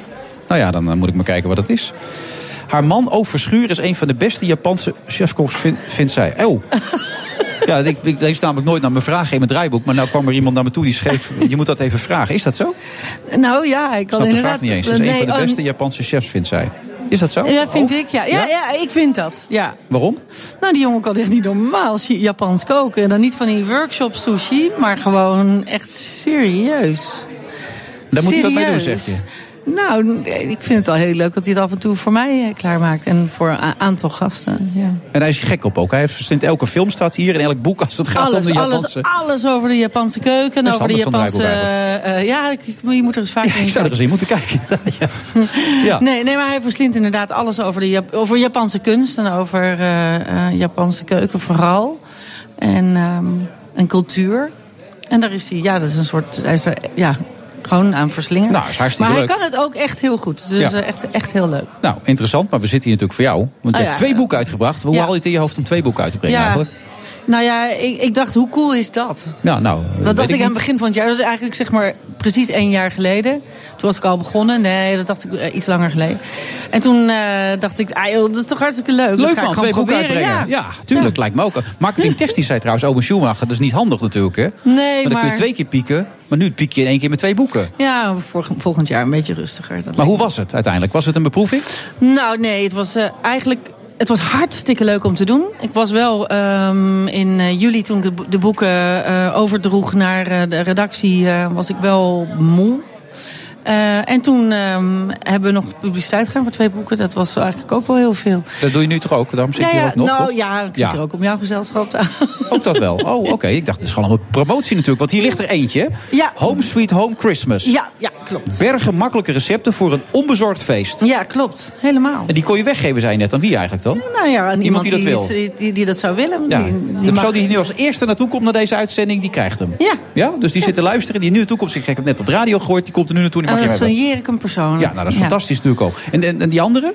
En die andere, nou, daar kunnen we ook iets leuks mee verzinnen. Dan doen we het volgende blok gewoon. Dan gaan we nog weer eens een leuke... Maar dat is niet hetzelfde boek. Jawel, het is absoluut hetzelfde boek. Alleen daar zit een folietje nog omheen. Dat maar, die wat- nog helemaal maar je zegt net dat je twee boeken hebt uitgebracht. Wat is het ja, andere maar boek dan? nee, nee, die andere die zit hier, die hebben we nu niet bij. Maar dit is een kerstboek. Dat is eigenlijk wel een toepasselijk Ja. kerstboek, is eh, het kerstmoment. Ehm, het andere boek heb ik gemaakt over me, eh, geïnspireerd door mijn jeugd in eh, Ierland. En ik vond het wel tijd om eh, iets over de Ierse keuken te vertellen. En ook, eh, ook over de geschiedenis van de Ierse keuken, maar ook over hoe Is dat het nou nu een beetje gaat. te eten? Want ik heb ooit eens een keer in Engeland de shepherd's pie gegeten. Waar nou, jij die het kan ook heel lekker Dat vond ik echt niet te hakken. joh. Nou, heb jij gewoon een hele slechte kok gehad. Nou ja, dat was ook een Dat zou, beetje zou vreemd. misschien ook kunnen, hè? Ja. Maar het, nee, de Ierse keuken is eigenlijk net zoals de eh, Hollandse keuken, basaal gezien, niet zo vreselijk interessant. Het enige is dat het een hele rijke geschiedenis heeft, het land. En dat ze dat nu, eh, eh, in deze tijd, zijn de chefs hun eigen land aan het herontdekken. En dat is ongelooflijk leuk. Die hebben, dat land produceert enorm veel lekkers. En het is heel onbevolkt. Dus eh, het is, daardoor heeft het heel veel eh veeteelt bijvoorbeeld. Ja. Leeft Maar zijn dat nou recepten van, van deze tijd? Want het was Het natuurlijk zijn altijd recepten van deze land, tijd. natuurlijk door de, Ja, door de ja. tijd heen. Ja, klopt. Dus ik neem aan dat ze niet altijd van die hele weldadige, rijke gerechten hadden. Nee, dat is ook zo. En, en, en, maar dat is ook ehm, wel interessant om te zien waar dat vandaan komt. En daar kun je dan weer een nieuwe variatie op maken van deze tijd. En dat kan dus wel heel interessant zijn. Jouw recepten, of tenminste in het andere boek, zijn dat jouw recepten of aangepast eh, aan, aan Eh, beide. Het of- zijn, of eh, recept, het zijn mijn versies van hele oude, oude recepten. Het zijn recepten gemaakt met ingrediënten die ik heel erg Iers vind. Maar per, een, totaal niet een Iers recept. Ik heb bijvoorbeeld Irish carbonara gemaakt. Een recept met spaghetti en boerenkool en spek. Hartstikke lekker. Maar dat heeft niks met Ierland te maken. Behalve dat het met kool en spek en room En, wat maakt dit boek dan? Even terug op dit andere Ja. boek gaan. Dat Home Sweet Home met Christmas. Wat maakt dat anders dan andere kerstboeken over eten dan? Wat, wat, wat is hier zo Nou, eh, specifiek nou, goed, het, eh, ik Rem heb van pompoen met sterrenijs en kreeftenstaartjes. Ja, nou ja, dat is voelt heel lekker. ja. Nou ja, wat ik heb getracht eh, te doen is eh, recep- recepten te maken die een beetje anders dan anders zijn, maar echt belachelijk makkelijk. En bijna allemaal zo ver mogelijk van tevoren te bereiden. Dus eh, waardoor je eigenlijk eh, goed kunt voorbereiden en de avond zelf niet zo ontzettend gek veel te doen hebt. Behalve ergens even iets opwarmen of in een kommetje te schenken. Oh, het is echt, Dus, eh, ehm, daar, daar is het een beetje Voor het gemak ook een beetje. Ja, ja, hij kan wel je- fotograferen, die oven. Ja. Hij kan wel iets van die Japanse keuken maken, maar dit doet hij ook niet slecht Dat kan hoor. hij ook wel leuk doen. Ja. Ja. Het, het is jou dus, hij is nog een beetje verliefd. Hè? Het zijn echt van die verliefde foto's zitten ertussen. hè, Ja, dat zijn echt lief. Echt verliefde liefdefoto's zijn inderdaad. Ja. Ja, nou ja, zit allemaal hier ook pagina's vol met kersttips. Dingen die, eh, eh, die een beetje de stress eraf halen. En ik heb hier ook nog, kijk, hier een hele spread met een hele planlijst. Nou, dan moet je, had je iets eerder moeten beginnen. Maar goed, Er staan tekeningen bij. Wie heeft die tekeningen dan Ik maak gemaakt? al die tekeningen. Ik maak maak ook het hele boek. weer? Ik zet het hele boek ook in elkaar. Als Ja. dat die oude ontwerper is dat er nog. Die met je Ja, zus. Je zus bemoeit zich er niet mee. Mijn zusje bemoeit hier, eh, nee, nee, die komt alleen eten. Dat kan ze ook goed. Dat kan ze heel goed, Ja? ja. Wie kan er beter eten van jullie twee? Ik kan het beste eten, ik kan het meeste eten. Maar zij kan ook wel heel goed eten hoor. Hoe verklaar je dat succes nou, Yvette? Want dat is enorm, hè? Dat succes wat jij met je meebrengt de laatste jaren, toch? Hoe verklaar je dat? Het gaat niet slecht. Ik weet het niet. eh, Ik weet het niet. Eh, Ik ben. ehm, ik weet niet, ik ben gewoon mezelf, denk ik, zoiets. Ja, maar dat, dat moet toch een. Wie, wie noemde je? Teun van de Keuken noemde jou toch de nieuwe Jamie Oliver, toch? Zo, ja. ja, zo heeft hij omschreven. Waarom lach je nou zo? Nou ja, misschien dat ik het. eh, God, ja, jeetje, dat is altijd zo lastig om over jezelf. Jezelf Nee, maar ook bij, bij Jamie praten, ontstond er iets dat is steeds groter geworden. Ja. Maar bij jou ontstaat het nu ook. Want je boeken worden over de hele wereld uitgebracht. Worden Ja. vertaald overal enzovoort. Dan kunnen toch mensen eromheen die er verstand van hebben... jou toch uitleggen waar dat succes vandaan komt? Nou ja, ze vragen het eigenlijk altijd aan mij. Dus ik krijg nooit een Iedereen vraagt het aan mij. Ik, denk, ja, ik weet het niet. Ik probeer, eh, ik probeer ook op televisie, maak natuurlijk ook een programma. Ja, leuk programma. Proberen we eh, alles heel goed en duidelijk eh, uit te leggen. En om, goed uit te leggen waar dingen vandaan komen. Dat vind ik ook altijd wel interessant. En belangrijk. Ja. Maar niemand heeft jou tot nu toe uit kunnen leggen waarom je zo succesvol bent. Al die mensen die daar zogenaamd verstand van hebben enzovoort. Nee, ze die vragen het altijd aan mij. Ze zeggen altijd, ja, kom, dat weet je best. En dan denk ik, nou ja, weet ik het. Ik, ik. Ik doe maar wat. ik doe, nee, ik doe niet maar wat. Ik heb natuurlijk ook een beetje ervaring. Maar ik vind het ongelooflijk leuk om Maar te dan doen. draai ik het om. Ben En je het bezig hoe je succesvol Probeer- kan zijn? Ben je daar dan mee bezig? Hoe zou ik succesvol kunnen Nee, daar zijn? ben ik niet mee bezig. Ik ben wel bezig met hoe kan ik iets eh, uitleggen wat positief is, vrolijk en ehm, duidelijk en eenvoudig. Dat laatste is vaak voor heel mensen belangrijk. Hè? Want iedereen Ja. denkt dat het een enorme drempel is natuurlijk om lekker te gaan koken. Maar als ik jou zo hoor, kan ik Nee, het zelfs. Ja, tuurlijk. Ja. Tuurlijk kan jij dat ook. Daar, daar, ik heb, ik, Zoals je het zegt, denk je, ja, het had ja, eigenlijk niet verwacht. natuurlijk. En maar- hier achterin allemaal leuke menus. Kijk, hoef je niet eens na te denken. Heb ik allemaal ingeschreven. Kun je gewoon Vier zo... gangen wildmenu. Zes man, één vrouw. Oh nee, zes man, vrouw. Zes Ja. man of vrouw. Ja, dat ik was een redactielid die zei... Ik had eerst geschreven voor zes man. Dus hoezo? Je hebt er gewoon toch ook vrouwen uit. Ja, ze zijn goed ik wel bezig daar inderdaad. Ja. Nou, is dit genoeg promotie geweest, denk je? Dat je zegt van nou, ik heb het lekker Ik kunnen vind het vertellen? wel veel te veel, joh. Ja, het is Echt. too much eigenlijk, hè? Ja, we zijn er even klaar mee. Jammer dat het Nee. geen commerciële zender is dit, want anders... eh, hè? We zijn er zo weer. Tot zo.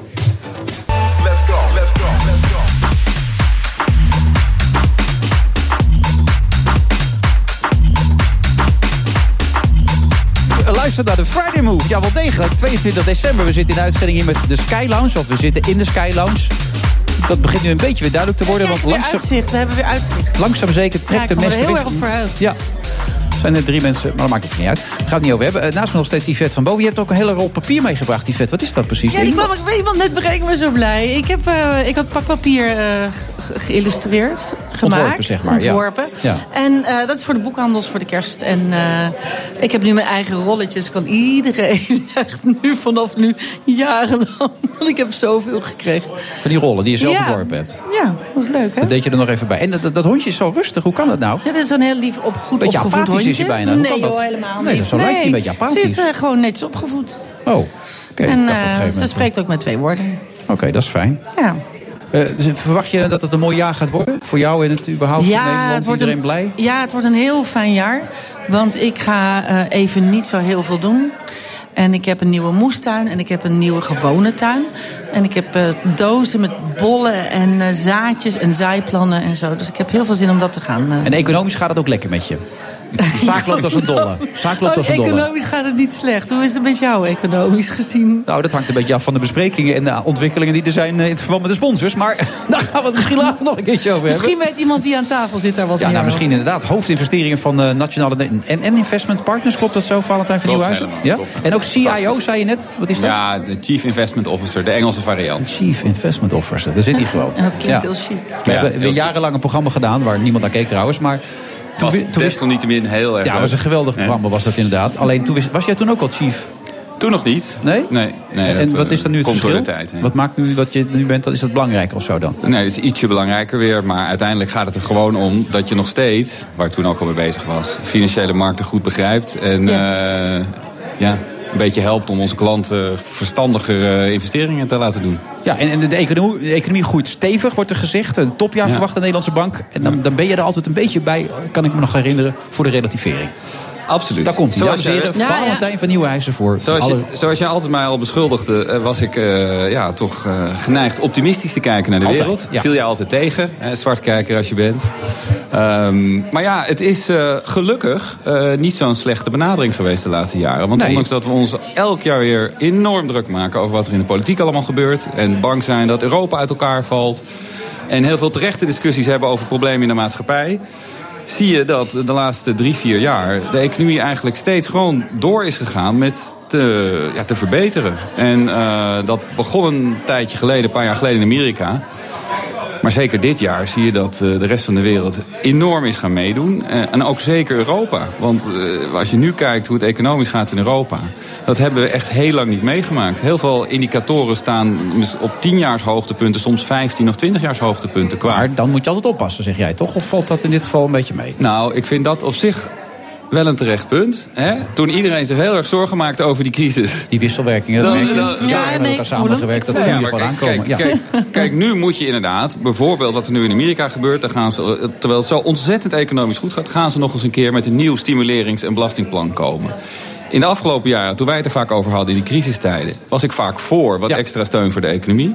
En nu gaat het zo goed dat je moet afvragen of je nou nog weer extra Ja. moet steunen. Of je nou logisch, nog toch, weer moet aanjagen. Nu Ja. gaat het inderdaad goed genoeg op zichzelf. En kan je beter wat waarom doen ze dat dan? Wat is En in, Nederland eh, zie je het ook een beetje eigenlijk eh, terugkomen. Hè? Was ook eh, bijvoorbeeld Lex Hoogbeduin deze week waarschuwde daar ook voor. Dat je nu weer een heel pro-cyclisch beleid ziet. In de, in de crisis hebben we heel hard op de rem gestaan. Nu gaat het eindelijk weer, laten we daar blij mee zijn, heel goed met de economie. En dan gaan we de economie extra stimuleren door belastingverlagingen. Wie Dat bedenkt is- dat dan? Wie doet dat dan? Waarom? Ja. Ja, dat is eh, vaak de, de, de politieke dynamiek die erachter zit. Daar heb ik me al die jaren met jou, als ik het erover... jij Cadeautjes uitdelen over nadat je eerst hard bent geweest. Maar er zitten toch allemaal hele intellectuele, eh, goed onderlegde mensen. Die kunnen dit toch allemaal bedenken? Wat... Dan wil je niet een spaarpotje maken dan? Nou ja, de goede tijden moet je de spaarpot aanleggen, Ja. absoluut. Hè, ehm, en, en wat dat betreft gaan we de komend jaar, eh, en het afgelopen jaar is ook al goed geweest, maar als je nu ziet, niet alleen in Nederland, maar in Europa breed en eigenlijk wereldwijd breed, hoe krachtig het herstel is, dan zijn dit de tijden om de spaarpot aan te leggen, absoluut. En de beurzen dan? Want jij verwacht dat het wat spannender gaat worden op de beurs, toch? Ja, dat wel. Kijk, ik denk dat als het zo goed gaat economisch... je ziet ook bijvoorbeeld in het bedrijfsleven winstgroei... die is dit jaar sterk, die zal volgend jaar weer goed zijn... dat eh, de beurzen eh, het redelijk goed blijven doen... als je naar het einde van volgend jaar kijkt... Maar het, het denk wel, dit jaar was extreem rustig jaar. Hè. Allerlei eh, beleggers en financiële mensen hebben er enorm over verbaasd. Die, burger, die beurzen waren, die die kwamen bijna niet, die gingen wel omhoog... maar zonder dat eigenlijk bewegelijkheid was van de een op de andere dag. Ik denk dat je volgend jaar daar wel wat meer actie gaat zien. De economie blijft sterk genoeg om wel, denk ik, gewoon een redelijk jaar te hebben. Ehm, zeker niet bang dat, eh, dat de beurzen in elkaar gaan. Maar je gaat bijvoorbeeld omdat centrale bankiers toch wat andere dingen gaan doen dan ze de afgelopen jaren hebben gedaan, denk ik wel dat je wat meer onrust gaat krijgen. eh, Waarom gaan ze iets anders doen? nou, in Amerika zijn ze eh, voor het eerst in jaren bezig met de rente wat te gaan verhogen. Ja. Die, die rente die was eh, ongelooflijk laag de afgelopen periode. Nee. Dat zullen ze in Europa nog niet gaan doen. Eh, maar daar gaat denk ik wel discussie komen wanneer ze daarmee gaan beginnen. En bij beide centrale banken, dat zijn de twee belangrijkste centrale banken van de wereld... komt er ook eigenlijk eh, nieuwe personen komen er aan de leiding. In Amerika is dat al per 1 januari. Eh, daar is Janet Yellen opgevolgd door meneer Powell. Eh, nou, markten eh, die zijn altijd heel gevoelig voor wat al die centrale bankiers zeggen, hoe ze communiceren. Nou, die Powell is veel meer een, een straight talker. Ik, ik weet niet of de markten hem gelijk begrijpen, dus dat kan nog wel eens voor wat onrust zorgen. Ja. En een jaar later gaan we in, eh, in Europa een nieuwe centrale bankier krijgen. De, de, de Mario Draghi zal vervangen worden in 2019. Maar ik denk dat daar juist vanwege al die politieke discussie in Europa... van wie wordt dat dan en hoe lopen die krachtsverhoudingen tussen Noord en Zuid... dat dat ook het komend jaar al af en toe voor allerlei speculaties, speculaties en geruchten gaat zorgen... die de markt wel een beetje... Maar wat is jouw voorspelling op dat gebied? Wordt het iemand uit het noorden of iemand uit het zuiden dan, denk jij? Uh, ik denk dat het best iemand uit het zuiden kan zijn. En ook wel uit midden of noorden. Maar waarschijnlijk iemand uit een klein land. Ik denk dat je toch een soort Europees compromiskandidaat krijgt. En niet een Spanjaard, Italiaan of Duitser. Omdat dat dan... Uh, maar kan die uit Nederland komen dan of niet? Uh, dat lijkt me zeer onwaarschijnlijk. Want? Nou, we zijn wel een klein land. Maar we hebben al een keer de leiding gegeven aan de ECB. Uh, en ja, dus zijn er nog een hoop andere landen die vinden dat zij eerst een keer aan de beurt zijn. Zoals het dan. Uh, Ook al zouden wij de in... meest capabele van het stel hebben, bij wijze van spreken. Hoe, wordt zo, hoe wordt zo iemand dan aangesteld? Nou ja, uiteindelijk is dat. Uh, ook dat is weer een mooi Europees politiek compromis. Ja. Hè? En. Ja, daar komt dus dat, dat, dat krachtenspel tussen uh, ook weer Noord-Zuid, maar ook grote landen, kleine ja. landen wordt bijvoorbeeld vaak ook meegewogen... wat voor een positie zo'n land al heeft in allerlei andere belangrijke Europese instellingen. En Duitsland heeft bijvoorbeeld, geeft nu leiding aan het Europese steunfonds. Um, ja, en dan wordt er gezegd, ja, maar jullie hebben ook dat instituut al. Ja. Dus, um, dat is echt politiek, zoals je het omschrijft. Hè? Zo werkt dat politiek. Dat is Europa. Ja. Een en al groot ja. ja, in Nederland er ook een beetje. Zo werkt het er ook allemaal. Dus... Nou ja, veel is natuurlijk politiek. Maar ik bedoel, bij uitstek is natuurlijk wie er leiding geeft... en op welke manier op, aan Europese instituten. Dat is wel een heel politiek spel. Maar even, Natje, jij bent net verhuisd, begrijp ik toch, of niet? Nou, ja, een jaar geleden. Een jaar geleden. Ja. Maar de markt was toen wel weer behoorlijk aan het aantrekken, of niet? Ja, ja. En? Ja. Was het duur wat je moest betalen? Veel, nou, moest betalen? Veel geld? Uh, ja, wij moesten... Je schrok ervan? nou nee, ik vond eigenlijk dat het schrikbarend nog omhoog ging. Daarna nog? Daarna ja. nog, oh, ja. Dus je zit goed? Ik zit eigenlijk wel lekker, ja. ja maar zit ze goed? Uh, dat is een grote vraag, Valentijn natuurlijk. Nou, ik, ik heb nou, iets overduidelijk. Dus ik denk dat ze zeer goed ziet. Moestuin heb ik net ze gehoord. ziet er Moestuin, vrolijk ja. en tevreden uit. En, ja. ze, en ze geniet van waar ze terecht is gekomen. Dat is het allerbelangrijkste. Maar wat jij bedoelt is natuurlijk die huizenmarkt die zo aan het uh, opgejaagd wordt. Is, ja. en, en, dat is inderdaad wel heel opvallend. Daar speelt ook die lage renteomgeving. Ja. Maar er speelt ook wel een enorme opkomst van uh, populariteit van steden. Want je ziet dat eigenlijk buiten de steden is het een heel ander beeld. Dus het kan nooit alleen maar die rente zijn. Want dan zouden ze ook buiten de steden die huizenprijzen allemaal door het dak gaan. Het gebeurt vooral in de steden en dat zie je eigenlijk wereldwijd. Dus dat is echt een wereldwijde trend. Iedereen trekt naar de stad. Het wordt ook heel aantrekkelijk, onder andere door Airbnb... om in die stad een huis te bezitten. Ja. Als je ja. er zelf niet woont, kun je het uithuren. Dus uh, ja, dat is, dat is een fenomeen. Um, maar je moet en... investeren in steen, hè, wordt dat gezegd. Ja, maar goed, ook maar... op dat punt ben je misschien wel nu redelijk ja. hoog in de cyclus. Dus de bubbel, is die er dan? Of zeg je nee, dat zal wel constant, constant doorgaan door die trend van de stad die steeds populair is? Nou, ik denk niet dat het constant doorgaat. Het zal de komende jaren denk ik echt wel wat gaan afvlakken. Onder andere omdat die rentes dan wel wat gaan oplopen. En dat zal best iets van een rem geven. Uh, maar omdat je het dus eigenlijk niet overal ziet, maar vooral in de steden, denk ik niet dat, het, dat je echt ook kan zeggen dat een brede uh, bubbel is. Het zijn toch meer lokale fenomenen waar heel veel ja, populariteit van de stad in meespeelt. En de economische kracht van de stad en de culturele aantrekkingskracht van de stad. Ja, dat is niet zozeer een financieel fenomeen. En nou, nu eindelijk gaan ze dan weer wat bijbouwen. Laten ze nou niet van die plannen die hier in Amsterdam af en toe de kop opsteken... weer uh, doorjagen om voor bepaalde Enorm mensen... Enorm willen ze hier bouwen. Nou, bouwen, bouwen, is goed, maar niet uh, het stimuleren van nog weer fina uh, financiering aantrekkelijker maken. Want dan blaas je de boel juist verder op. Ja, ja. Bijbouwen, dan, daar hebben ze een paar jaar geleden zijn ze daarmee gestopt. Dat zie je nu, is een hele grote strategische fout geweest.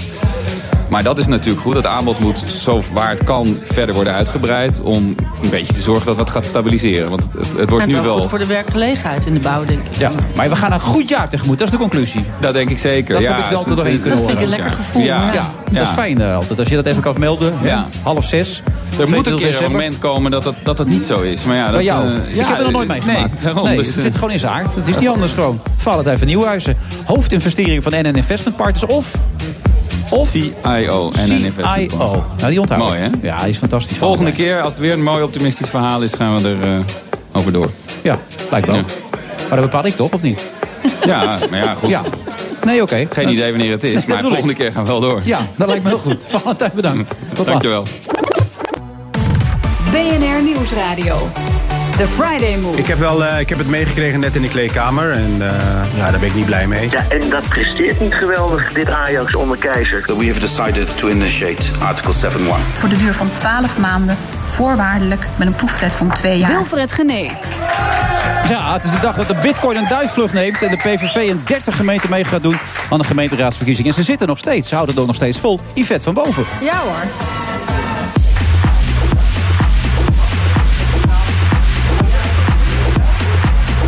Ja hoor, zegt ze ook vol overtuiging. Vanuit de Skyland voor het Doubletree bij Hilton Hotel hier in eh, Amsterdam. En inmiddels ook bij ons aan tafel geschoven Farid Azarkan, Tweede Kamerlid voor Denk... en politiek verslaggever Laurens Boven. Goedemiddag. Hi. Het doet me een beetje denken aan de woensdag hakdagshow. Ken je dat nog van vroeger of niet? Hi, hoi, de woensdag hakdagshow. Ik vind het zo leuk dat we nog een boven aan tafel hebben. Dat is wel gezellig. Ja, maar hij is gewoon boven, toch? Ik ben gewoon boven, geen Ja. van boven. Ja. Ik moet, Nou ja, ik moet dat maar- vaak uitleggen trouwens. Er zijn veel meer van bovens dan bovens. Oh ja, is Ja, dat zo? ja, ja. Is daar een reden voor? Geen idee. Nee? Nee, ik er zit er zelfs idee. hier iemand in het publiek die heet ook boven. Ik vind het echt ongelooflijk. Ik hoor die naam nooit. Tenzij het familie is. Ja. Dus je bent heel blij. Je gaat ondertussen even lekker in de trouw Nou zitten ja, kijken. ja, ik zat in de trouw te kijken, maar ik kwam meteen bij duurzaamheid en natuur. Dus ik, zit, eh, nou, ik was meteen eh, afgeleid over Ja. vis. Nou, goed dat je er bent. Eh Farid, jij trouwens ook. ook. Ik vond het verrassend dat je wilde komen ook. Nou, als, als- Wilfred, als jij mij uitnodigt, kom ik bijna altijd. Ja, maar als presentator van het homofobe, racistische en seksistische programma Voetbal Insight... kon ik me voorstellen dat je dacht van, ik kom niet. Nee, juist wel. Ik, ik kom graag in debat om de argumenten uit te wisselen. En ik had eigenlijk gehoopt dat je me eens een keer zou uitnodigen bij dat Voetbal Insight. Dan kan ik daar eens uitleggen wat ik bedoel. Ja. Gaat Ja. dat nog een keer gebeuren? Nou, ik zal het even met de mannen overleggen als het programma nog bestaat tegen die tijd. Want jij gooit er een boycott tegenaan, zeg ik. Heel RTL moet geboycott worden. Ja, vind ik wel. Hoe, hoe kom je daar nou bij? Nou, dat komt eh, twee jaar geleden. Heeft natuurlijk Derks eh, die uitspraken gedaan. Die hele kwetsende, racistische uitspraken over Marokkaanse voetballers. En toen, toen keek hij eh, jou onder andere aan. En toen zei hij van ja, ze zullen me wel racistisch vinden eh, dat ik dit ga zeggen. Maar ja, dat met die Marokkaanse voetballers, dat functioneert niet. Je moet er niet te veel in je team hebben. Bovendien douchen ze met hun onderbroek aan. En dat was het sterkste argument. Ik vond dat kwetsend, ik vond het racistisch. Ik heb toen contact gehad met de RTL-directie. En die zeiden van nou, we doen er een of andere pro forma eh, verklaringje uit en that's it. En ik vind dat ze daarin geen verantwoordelijkheid nemen. En vervolgens zie je dat het een aantal keren terugkomt.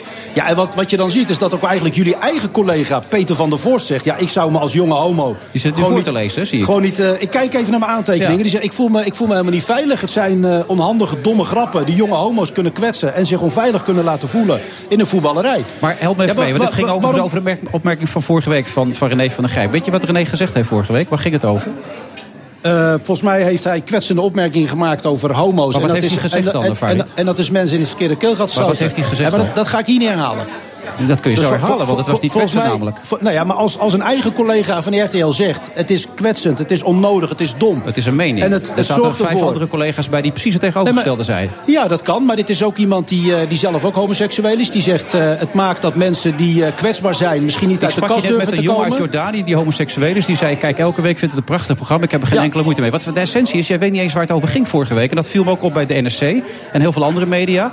Die hebben helemaal niet geluisterd naar wat René heeft gezegd. René heeft letterlijk vorige week gezegd... als ik kan kiezen tussen kijken naar darts of twee homo's die gaan trouwen... dan, kijk ik, dan kies ik voor darts. Dan laat ik die vertoning even aan me voorbij gaan. Dat is wat hij gezegd heeft. Is dat homofoob?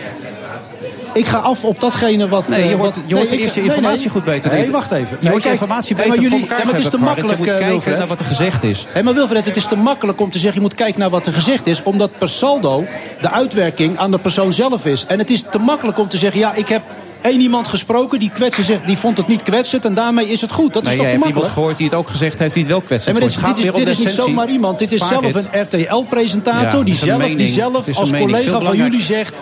Ja, maar mag, dat, dat mag Farid, ik ook op de afgaan. essentie is dat je niet eens weet wat er gezegd is Zeker heb ik dat. Het was Vind naar je- vind je- aanleiding van Gordon. Dat was naar aanleiding van Gordon. Ja, maar vind je dat homofoob als je dat zegt? Dus jouw niet- stelling dat ik niet weet wat het is, is gewoon niet zo. Ik wil Nou, het alleen hier niet herhalen. Je weet de uitspraak dus niet. Die weet ik wel. Die heb ik vanmorgen nog eens een keer teruggelezen. Ik bereid mij heel goed was- voor. Het ging naar aanleiding dus- van Gordon dat hij ging trouwen. Ja, en hij zei, ik ga liever naar, naar, darts kijken. Is dat homofoob? Dat is een optelsom van datgene wat er al vaker gezegd is. Ik heb gezegd in mijn verhaal, het is homofoob, het is seksistisch en het is racistisch. Waarom moet iemand nou een uitzending zeggen, trots als een aap?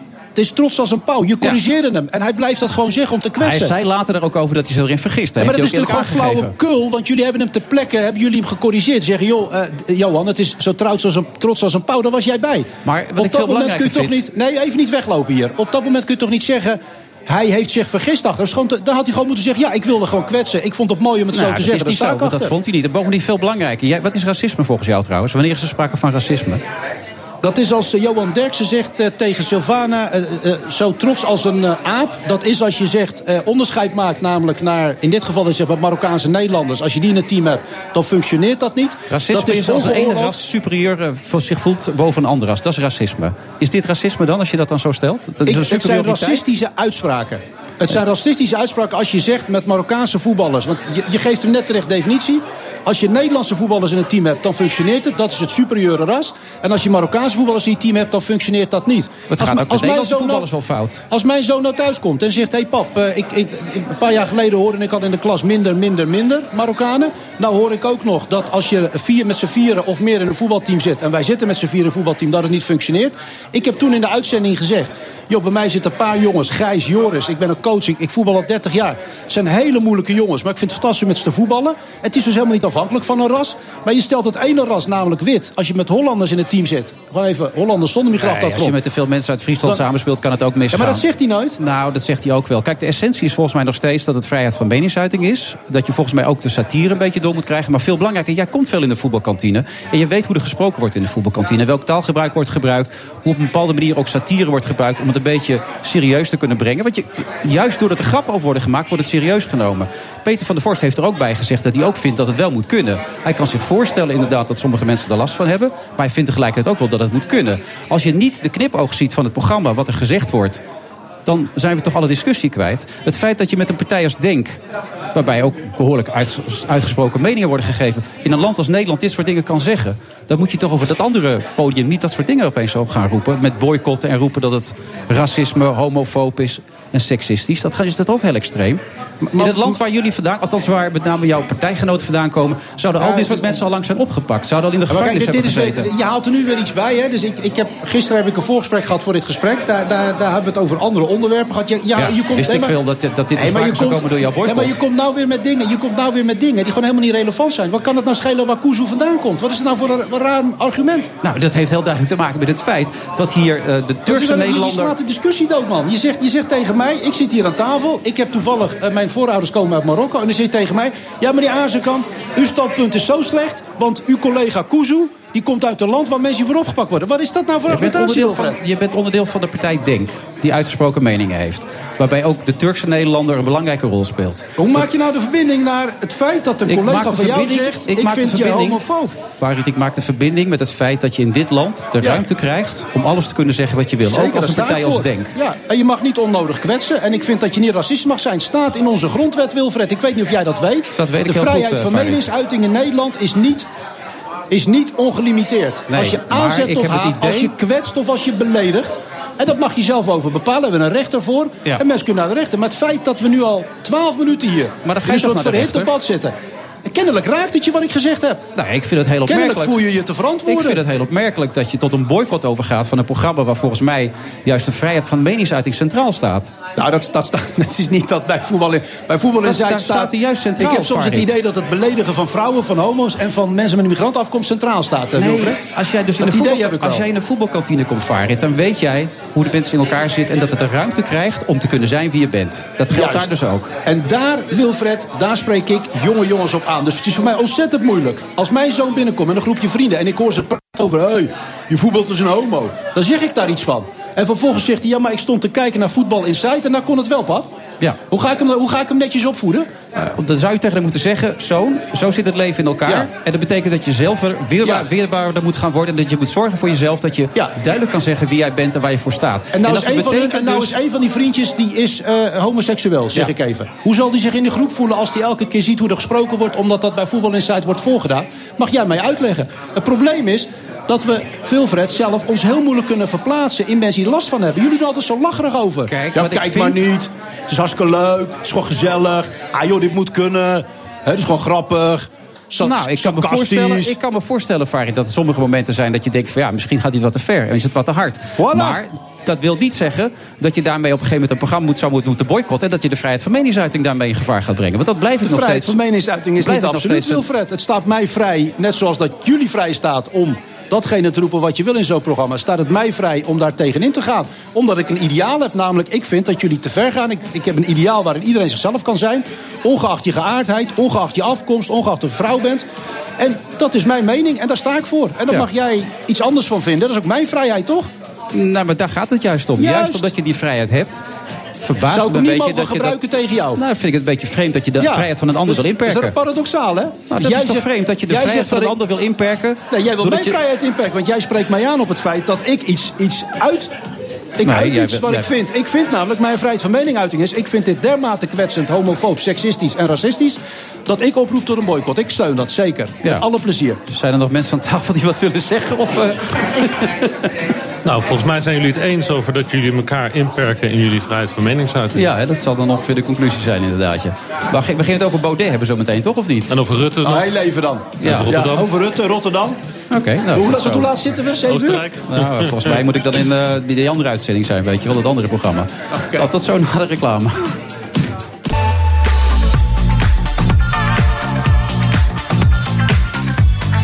U luistert naar de Move van vrijdag 22 december. We zijn nog even rustig doorgegaan. En Yvette zit ook al heel eh, Ja, afwezig op ja, de telefoon. ja, ja. Yvette, gaat het nog een beetje of niet? Ja, ja, ja. W- Wat heb jij gestemd dit jaar? Wat heb, wat heb ik gestemd? Ja? Voor de verkiezingen? Denk. Nee, ik heb eh, GroenLinks gestemd. Oké. Ja, hij haakt uiteindelijk af, hè, zegt iedereen dan. Geen voor die eikeltjes pyjama. Eh Laurens, jij wilde nog iets zeggen over Mark Rutte volgens mij, om te beginnen. Nou ja, Zou je eigenlijk net al gewild hebben? Ehm, ja, ik vond het wel een interessante discussie tussen jullie. Volgens mij eh, moet, kan je een avond vullen op RTL. eh. Dat doen we elke vrijdag en maandag inderdaad, ja. ja, maar dan eh, over dit. Ja, het is ook een lastig onderwerp. Wat ik net ook tegen Farid zei in de uitzending ook. Ik kan me voorstellen dat sommige mensen het lastig vinden. Ja. Maar dan blijf ik er nog steeds bij. Er zit een knop op tv. En je kan op een gegeven moment ook denken van hoe serieus moet ik het nemen. Maar die discussie Maar hebben we nu gevoerd. Dus, eh, gaan we niet, gaan we niet ja. doorvoeren. Maar Nee. het is wel. eh, Kijk, dat, dat dit soort discussies eh, spelen, dat is wel eh, heel erg tekenend voor deze tijd. En er is iets veranderd in de afgelopen 15 jaar, 17 jaar. En dat was heel erg duidelijk te zien vandaag in de persconferentie van Mark Rutte. Ik vond eigenlijk het belangrijkste moment in die persconferentie. Wat gaat Rutte namelijk doen op nieuwjaarsdag? Hij gaat naar Oostenrijk, naar Wenen. Hè, daar is net een paar dagen geleden een nieuwe regering geïnstalleerd. Ja, extreem rechts, toch? Extreem rechts, de FPE. En eh, Rutte die eh, meldde dat hij een uitnodiging heeft gekregen van de nieuwe bondskanselier... om kennis te komen maken en dus naar de nieuwjaarsconcert te komen in, eh, in Wenen. En dan gevolgd door een uitgebreide lunch. En ik dacht, nou, dat is toch fantastisch. 17 jaar geleden hadden we deze regering ook al een keer in Oostenrijk. Met de FPE, met de rechtsextremen. Toen gingen er, er sancties. Toen werd Oostenrijk gesanctied hè, door de Europese Unie. Maandenlang was er geen diplomatiek eh, contact. De koningin mocht zelfs niet op skivakantie in Oostenrijk. Deed ze wel, maar... En nu gaat Mark er gewoon naartoe. En nu gaat Mark naartoe. Een van de eerste gasten, eh, de- die, die buitenlandse gasten die, er- die er zijn. Dat is wel En, interessant. en eh, Laurens, aanvullend, ik heb daar gisteren ook een analyse over gelezen. Eh, ze konden ook niet zomaar even over straat. Want er verschenen 150.000 demonstranten. Mensen die gingen ageren. En ze moesten dus onder... Het, Toen, eh, in 2000. In 2000, Nu ja. niet. Nee, nu Nee, nu is het... eh, en ze moesten dus onder de... de Nou, en je ziet weg moesten ze door, hè? Je ziet, er dus aan, corridor. ja, je ziet er dus aan hoe in Europa eigenlijk het hele debat naar rechts getrokken is. Dat rechtspopulistische, rechtsextreme partijen niet alleen in Oostenrijk dus normaal zijn geworden en regeren, maar eigenlijk in alle Europese landen bestaan. We er helemaal aan gewend zijn geraakt dat eh, het rechtspopulisme een onderdeel is van de, van de Europese eh, politiek. En eh, ik denk overigens dat Rutte naar Oostenrijk gaat... omdat Rutte, dat West-Europa heel erg bang is dat Oostenrijk aansluit bij Viktor Orban. Hè, die populist in Hongarije. Ja. En dat Rutte misschien wel een opdracht van Merkel moet zorgen... dat Oostenrijk in het kamp van Duitsland blijft. Maar hoe dan ook, een zeer interessante mededeling van Rutte. Dat is, een, eh, nou, ja, dat is eh, ongebruikelijk. Zo snel dat Nederland dan daarheen gaat. Ja, hij is niet politicus van het jaar geworden, Rutte. Dat is Thierry Baudet geworden. Dat vind jij niet zo'n heel goed idee, heb ik begrepen, Farid. Nee, ik, ik vind dat je dan echt eh, eh, eigenlijk Rutte tekort doet. Ik bedoel, als er echt iemand het verdiend heeft... en ik zie dat dagelijks ook in, in die Kamer... eh, Rutte is met afstand de beste politicus van het land. Eh, het is niet, eh, nogmaals, ik zit bij Denk. het, het is ook niet de regering die ik graag gewild had. En ik, ik bestrijd vele ideeën. Er staan ook hele goede dingen in het regeerakkoord. Ja. Maar Rutte is als politicus, zijn welbespraaktheid, zijn dossierkennis... het feit dat hij voor de derde keer premier wordt, buitengewoon knap. En daarmee mogen die anderen niet in de schaduw staan. Thierry heeft een goed gevoel voor dramatiek, zeker in het begin. Hij laat niet zien in de Kamer, als hij er al is, dat hij een, een interruptie kan voeren. Dat vindt hij echt buitengewoon ingewikkeld. Ik zie zijn collega Theo Hiddema altijd een beetje ja, wat verdwaasd rondlopen in die gangen. En dan heb ik altijd de neiging. Dan heeft hij die bril die net niet van zijn neus valt. En heeft hij altijd de neiging met, met een zesdelig pak. Heeft hij altijd de neiging om een beetje om zich heen te kijken. En hij de neiging om een beetje een hand te geven. Zeggen, zullen we samen naar die plenaire zaal lopen? Is het ook kinderzin? Want jullie vinden Nee, dat, jullie, dat jullie harder werken. En dat jullie meer doen. Dat Thierry zich te weinig laat Nee, het zien. geen, eh, nee, dat is geen kwestie van harde werken. Kijk, we werken allebei heel hard. Alleen wij hebben de overtuiging dat je als volksvertegenwoordiger wel dat volk moet vertegenwoordigen op de plek waar het ertoe doet. En dat is namelijk in de arena van, het, eh, van de Tweede Kamer. Daar wissel je de argumenten uit. Daar deel je de ideeën met elkaar. En je wilt dat dit land er beter op wordt. Daar heb je ook alle mogelijkheden voor. We hebben, Denk heeft met alle begrotingen, met uitzondering van LNV, meegedaan. Dus dat, dat redden we net niet. We hebben alle begrotingen. We hebben 75 tot 80 plenaire debatten gedaan. Daar doet de Forum doet er, eh, ik geloof, 25 of 26. Dat is een keuze. Ik heb ze bij de begrotingen nauwelijks gezien. Je hebt er bij de begrotingen de mogelijkheden. De mogelijkheid om allerlei voorstellen te doen. En die worden dan gewogen. De oppositie haalt daar ook dingen binnen. Ja, dat is wel de plek. En als je zegt, ja, ik werk heel hard, maar ik werk met name hard om mijn partij en mijn beweging op te bouwen. Ja, dat is een keuze, maar dat vind ik geen politiek. Dat is eh, campagne voeren. Eh, en dat is een keuze. Wij werken ook heel hard. Dat gaan we de komende week ook doen. Wij hebben ook een partij eh, opgebouwd. Wij hebben 4000 leden. We hebben drie zetels gehaald. Dat zijn zo de 50% meer dan twee. Eh, maar we doen het wel. En dat is een keuze. Dus eh, ze werken hard, maar het is geen politiek. Wat vind jij ervan, Laurens? Nou, die een vandaag eh, eh, peiling, dat heeft in, op het Binnenhof in ieder geval de waardering voor die prijs toch wel wat eh, eh, doen dalen. Hè. Daar was helemaal kritiek op van ja, dat is omdat Baudet hem krijgt en zo. Maar er zit ook echt wel inhoudelijk wat, eh, wat in. Dat, hij is er inderdaad weinig. En hij, hij, hij voert een ander soort politiek. En het is een, een, een, politiek van het, van het theater en, en het buiten de Tweede Kamer zijn. Maar virtueel lijkt het wel wat op te leveren op dit moment, toch? Ze zijn de PVV toch voorbij, blijkt, uit allerlei In de peilingen. Ja. Ja. in de peilingen. Dat is natuurlijk vaker gebeurd. Hè? Dat ook eh, Henk Krol heeft wel eens op 25 gestaan. En, eh, en eh, Roemer op tegen de 40. Dus dat, dat moet je dan nog maar bewijzen op het moment dat er verkiezingen zijn. Maar is die prijs dan niet, eh, omdat jij zegt van nou, die, die is discutabel, want hij, hij voert een hele andere vorm van politiek? Nou, het is een publieksprijs. Dat, dat, dat zegt dan misschien nog wel iets. Dat het dus het, er wordt een shortlist gemaakt door de, de redactie van Eén Vandaag. Daar was heel veel kritiek op. Omdat bijvoorbeeld Rutte dus niet op die shortlist Ja. stond. Ook Kuzu stond er niet op, meen ik. Terwijl het natuurlijk Denk Nee. ook een partij is die eh, eh, eh, nieuw in de Kamer is gekomen. Ja. Ja. Wat alleen maar Wilders tot nu toe gelukt was. Vanuit die positie. Ehm, en het is een publiekprijs. Het, het, het publiek stemt uiteindelijk. En het publiek neemt kennelijk Baudet waar als een heel erg goed politicus. Dus dat zegt ook iets over, over ons dan, de media. En misschien ook wel over het volk. Over wat we dan goed vinden aan politici. En kennelijk bevalt dat. eh, dat theater maken en dat, dat schoppen en dat dandy. En, en daarmee scoor je dan. Maar is dat dan voor de bühne en tijdelijk, denk je? Want, eh, of is Wilders een Ja, ja, periode... ja. Nou, dat nou, de tweede, nou, jullie zelf, Denk heeft zelf in het debat van een week gezegd, en dat was denk ik eh, terecht, ehm, dat is in ieder geval de sfeer op het Binnenhof, dat Wilders een beetje voorbij is. Dat Wilders grijs is. Wilders is enorm de fout gegaan met zijn lijsttrekker in Rotterdam, met die Hegedus, hè, die die een dag later alweer vanwege racisme moest terugtrekken. En, en dat laat toch wel zien, hè, als je dus als partij in Rotterdam niemand kan vinden die voor jou de kar wil trekken... dan, dan klopt er iets niet in je organisatie. Ja. Dat, is, dat, dat is de overheersende opinie op het Binnenhof... dat Wilders een beetje afgedaan is en dat Baudet het aan het overnemen is. Dus in die zin kan hij goed een blijvertje zijn... Maar ook Baudet heeft nu dat, dat racisme-argument aan zijn broek. Hè? Hij heeft natuurlijk die ontmoeting gehad met die Jared Taylor, Ja. die Amerikaanse eh, racist. Eh, waar die nog niet, hij heeft een schriftelijke verklaring gegeven daarover, maar hij heeft nog niet de pers te woord gestaan. Ik heb hem gisteren nog gezocht. Maar het was pas eergisteren, toch? Of wat is het? Eergisteren? Ja, ja. Maar ik, ik zag jou Farid eh, ja zeggen toen het over de tijdelijkheid ging van het succes. Of, Nou nee, toen je zei van eh, in hoeverre zijn zij nu bezig om die partij op te bouwen? Hoe ver denken ze iets te kunnen bereiken in de Tweede Kamer? Kijk, vanmorgen in, in de NRC stond ook een interview met Theo Hiddema. Die zegt van ja, weet u met twee zeteltjes, ja dat doen we niet zoveel. Dus we kiezen ervoor om eigenlijk 80% van de tijd daarbuiten te zijn. En daar te werken aan een beweging. En dan komen we terug met 15 of 20 zetels. Dan kunnen we iets eh, bereiken. Ja, dat, dat kan wel zo zijn, maar zo was het überhaupt niet bedoeld. Zo was het oorspronkelijk niet bedoeld. Als je met twee zetels binnenkomt, dan is het wel de bedoeling... net zoals de SGP, die, die natuurlijk al 100 jaar daar met twee of drie zetels zit... Ja. is dat je daar wel... eh, Je politiek gaat bedrijven, Dat je politiek bedrijft. En dan is het wel interessant, vind ik, eh, als, als Theo Hiddema... die zegt dan over Baudet, vond ik wel heel mooi... ik, ik vind hem aandoenlijk... Met zijn ongebreidelde enthousiasme, slimheid en gedrevenheid. Hij is in zijn milieutje een soort master of the universe. En ik dacht wel bij mezelf, in welk milieu is dat dan? Is dat nadat hij die meneer van Erkenbranden had gesproken? Wel- Welk milieu bedoelt hij dan precies? Maar hij heeft hem wel heel mooi getypeerd. Ja, nou ja, dat is wel een vraag. Dat is een van de grote vragen die er nu natuurlijk is, die we aan Baudet willen stellen. Dat die, dat die Erkenbrand, dat is die uh, rechtsextreme nieuwe groepering die er ontstaan is. Ja. Um, dat die Baudet zien als hun held. Maar uh, Baudet zegt de hele tijd van ik wil met die mensen niks te maken hebben. Maar ondertussen gaat hij wel vijf uur lang eten met Jared Taylor, de ideoloog van die beweging. En dat, dat roept vragen op die hij zal moeten beantwoorden. Dat komt dan wel na het kerstreces. Dus toevallig weet ik dat we morgen in het grote interviewnummer van de Volkskrant... een groot interview met hem staan. Nou, kijk aan. Dan kunnen we daar wel eens wat meer over Koop weten. die krant, zeggen ze ja. dan. Ja. Maar de gemeenteraadsverkiezingen worden wat dat betreft cruciaal en interessant. Vooral in Rotterdam, waar dus al die partijen meedoen. Waar uh, Thierry Baudet natuurlijk met Forum samen met uh, Leefbaar Rotterdam een uh, alliantie gesloten heeft. En daar zal je het gaan zien van, breekt dat dan door? Wordt het een blijvertje? Of is het een eendagsvlieg die nu met twee zetten in de Kamer zit? Dat, dat ga je straks in, in maart zien. Zijn jullie er klaar voor? Uh, wij zijn gemeenten, toch of niet? Ja, wij zijn er klaar voor. En, en Rotterdam wordt inderdaad heel spannend. Ik woonde zelf 20, geleden, 20 jaar geleden in Rotterdam op de Botastraat op de Rijnhaven. En toen was het echt verschrikkelijk. De kop toen was in de krant, dat was echt uh, Rijnhaven, de kont van Zuid. Zo erg was het toen, was met, met perron 0, et cetera, drugsoverlast. Afgelopen jaren heel veel verbeterd, maar...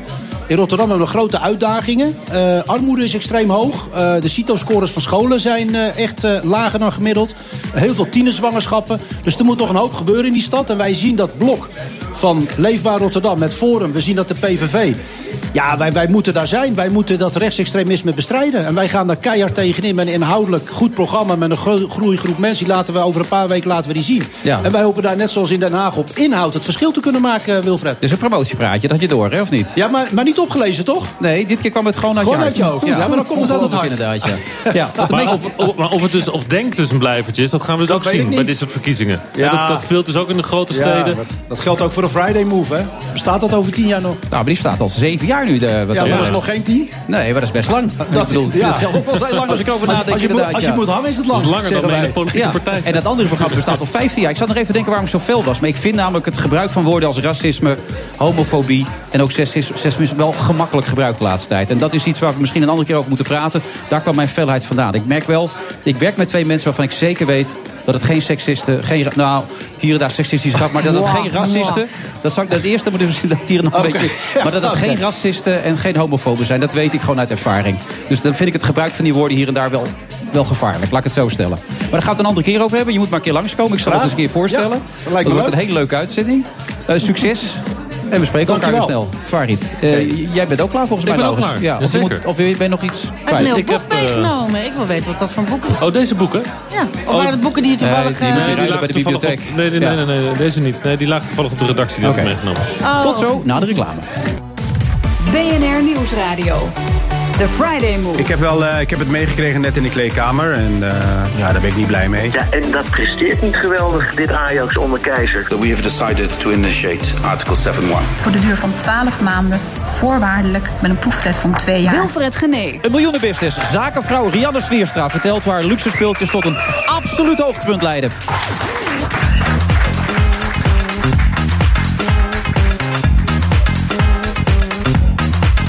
Alweer het uh, laatste half uur van deze uitzending van de Friday Move vanuit de Skylounge van de Doubletree bij Hilton Hotel en de Beach. U weet dat van DJ Thomas Robson.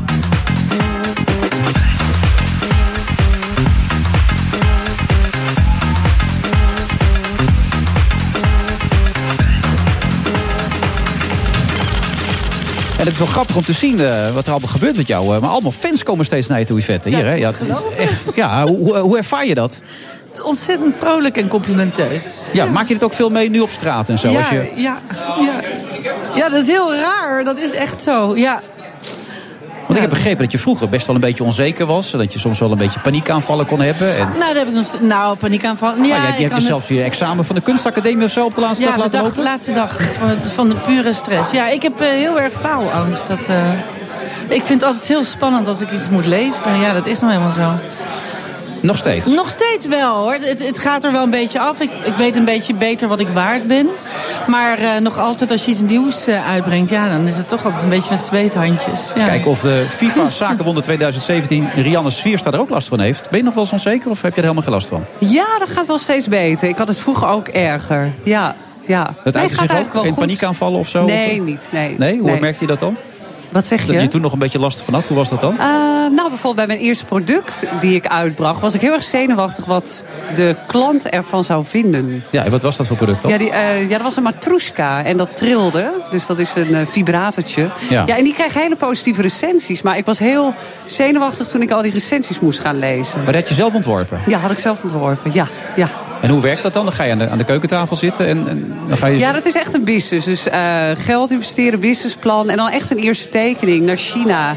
Uh, fabrikant zoeken en dan proberen een sextoy te maken. En dat duurde heel lang, was ik ook allemaal geld verloren... want dat ging allemaal heel ingewikkeld. Maar anderhalf jaar later had ik een vibratortje die heel mooi was. De onvermijdelijke vraag natuurlijk, ja. waarom? Nou, dat was... Uh, ik heb dit idee 15 jaar geleden gekregen. Toen waren er zoveel lelijke vibrators op de wereld. Ik kreeg een Hustler magazine voor ogen, zo'n seksblaadje. Mm -hmm. Er stonden allemaal van die roze vallassen in. En toen dacht ik, ja, maar ik hou van mooie dingen. Dus mogen vrouwen op seksueel vlak ook geen mooie seksbeeldjes hebben.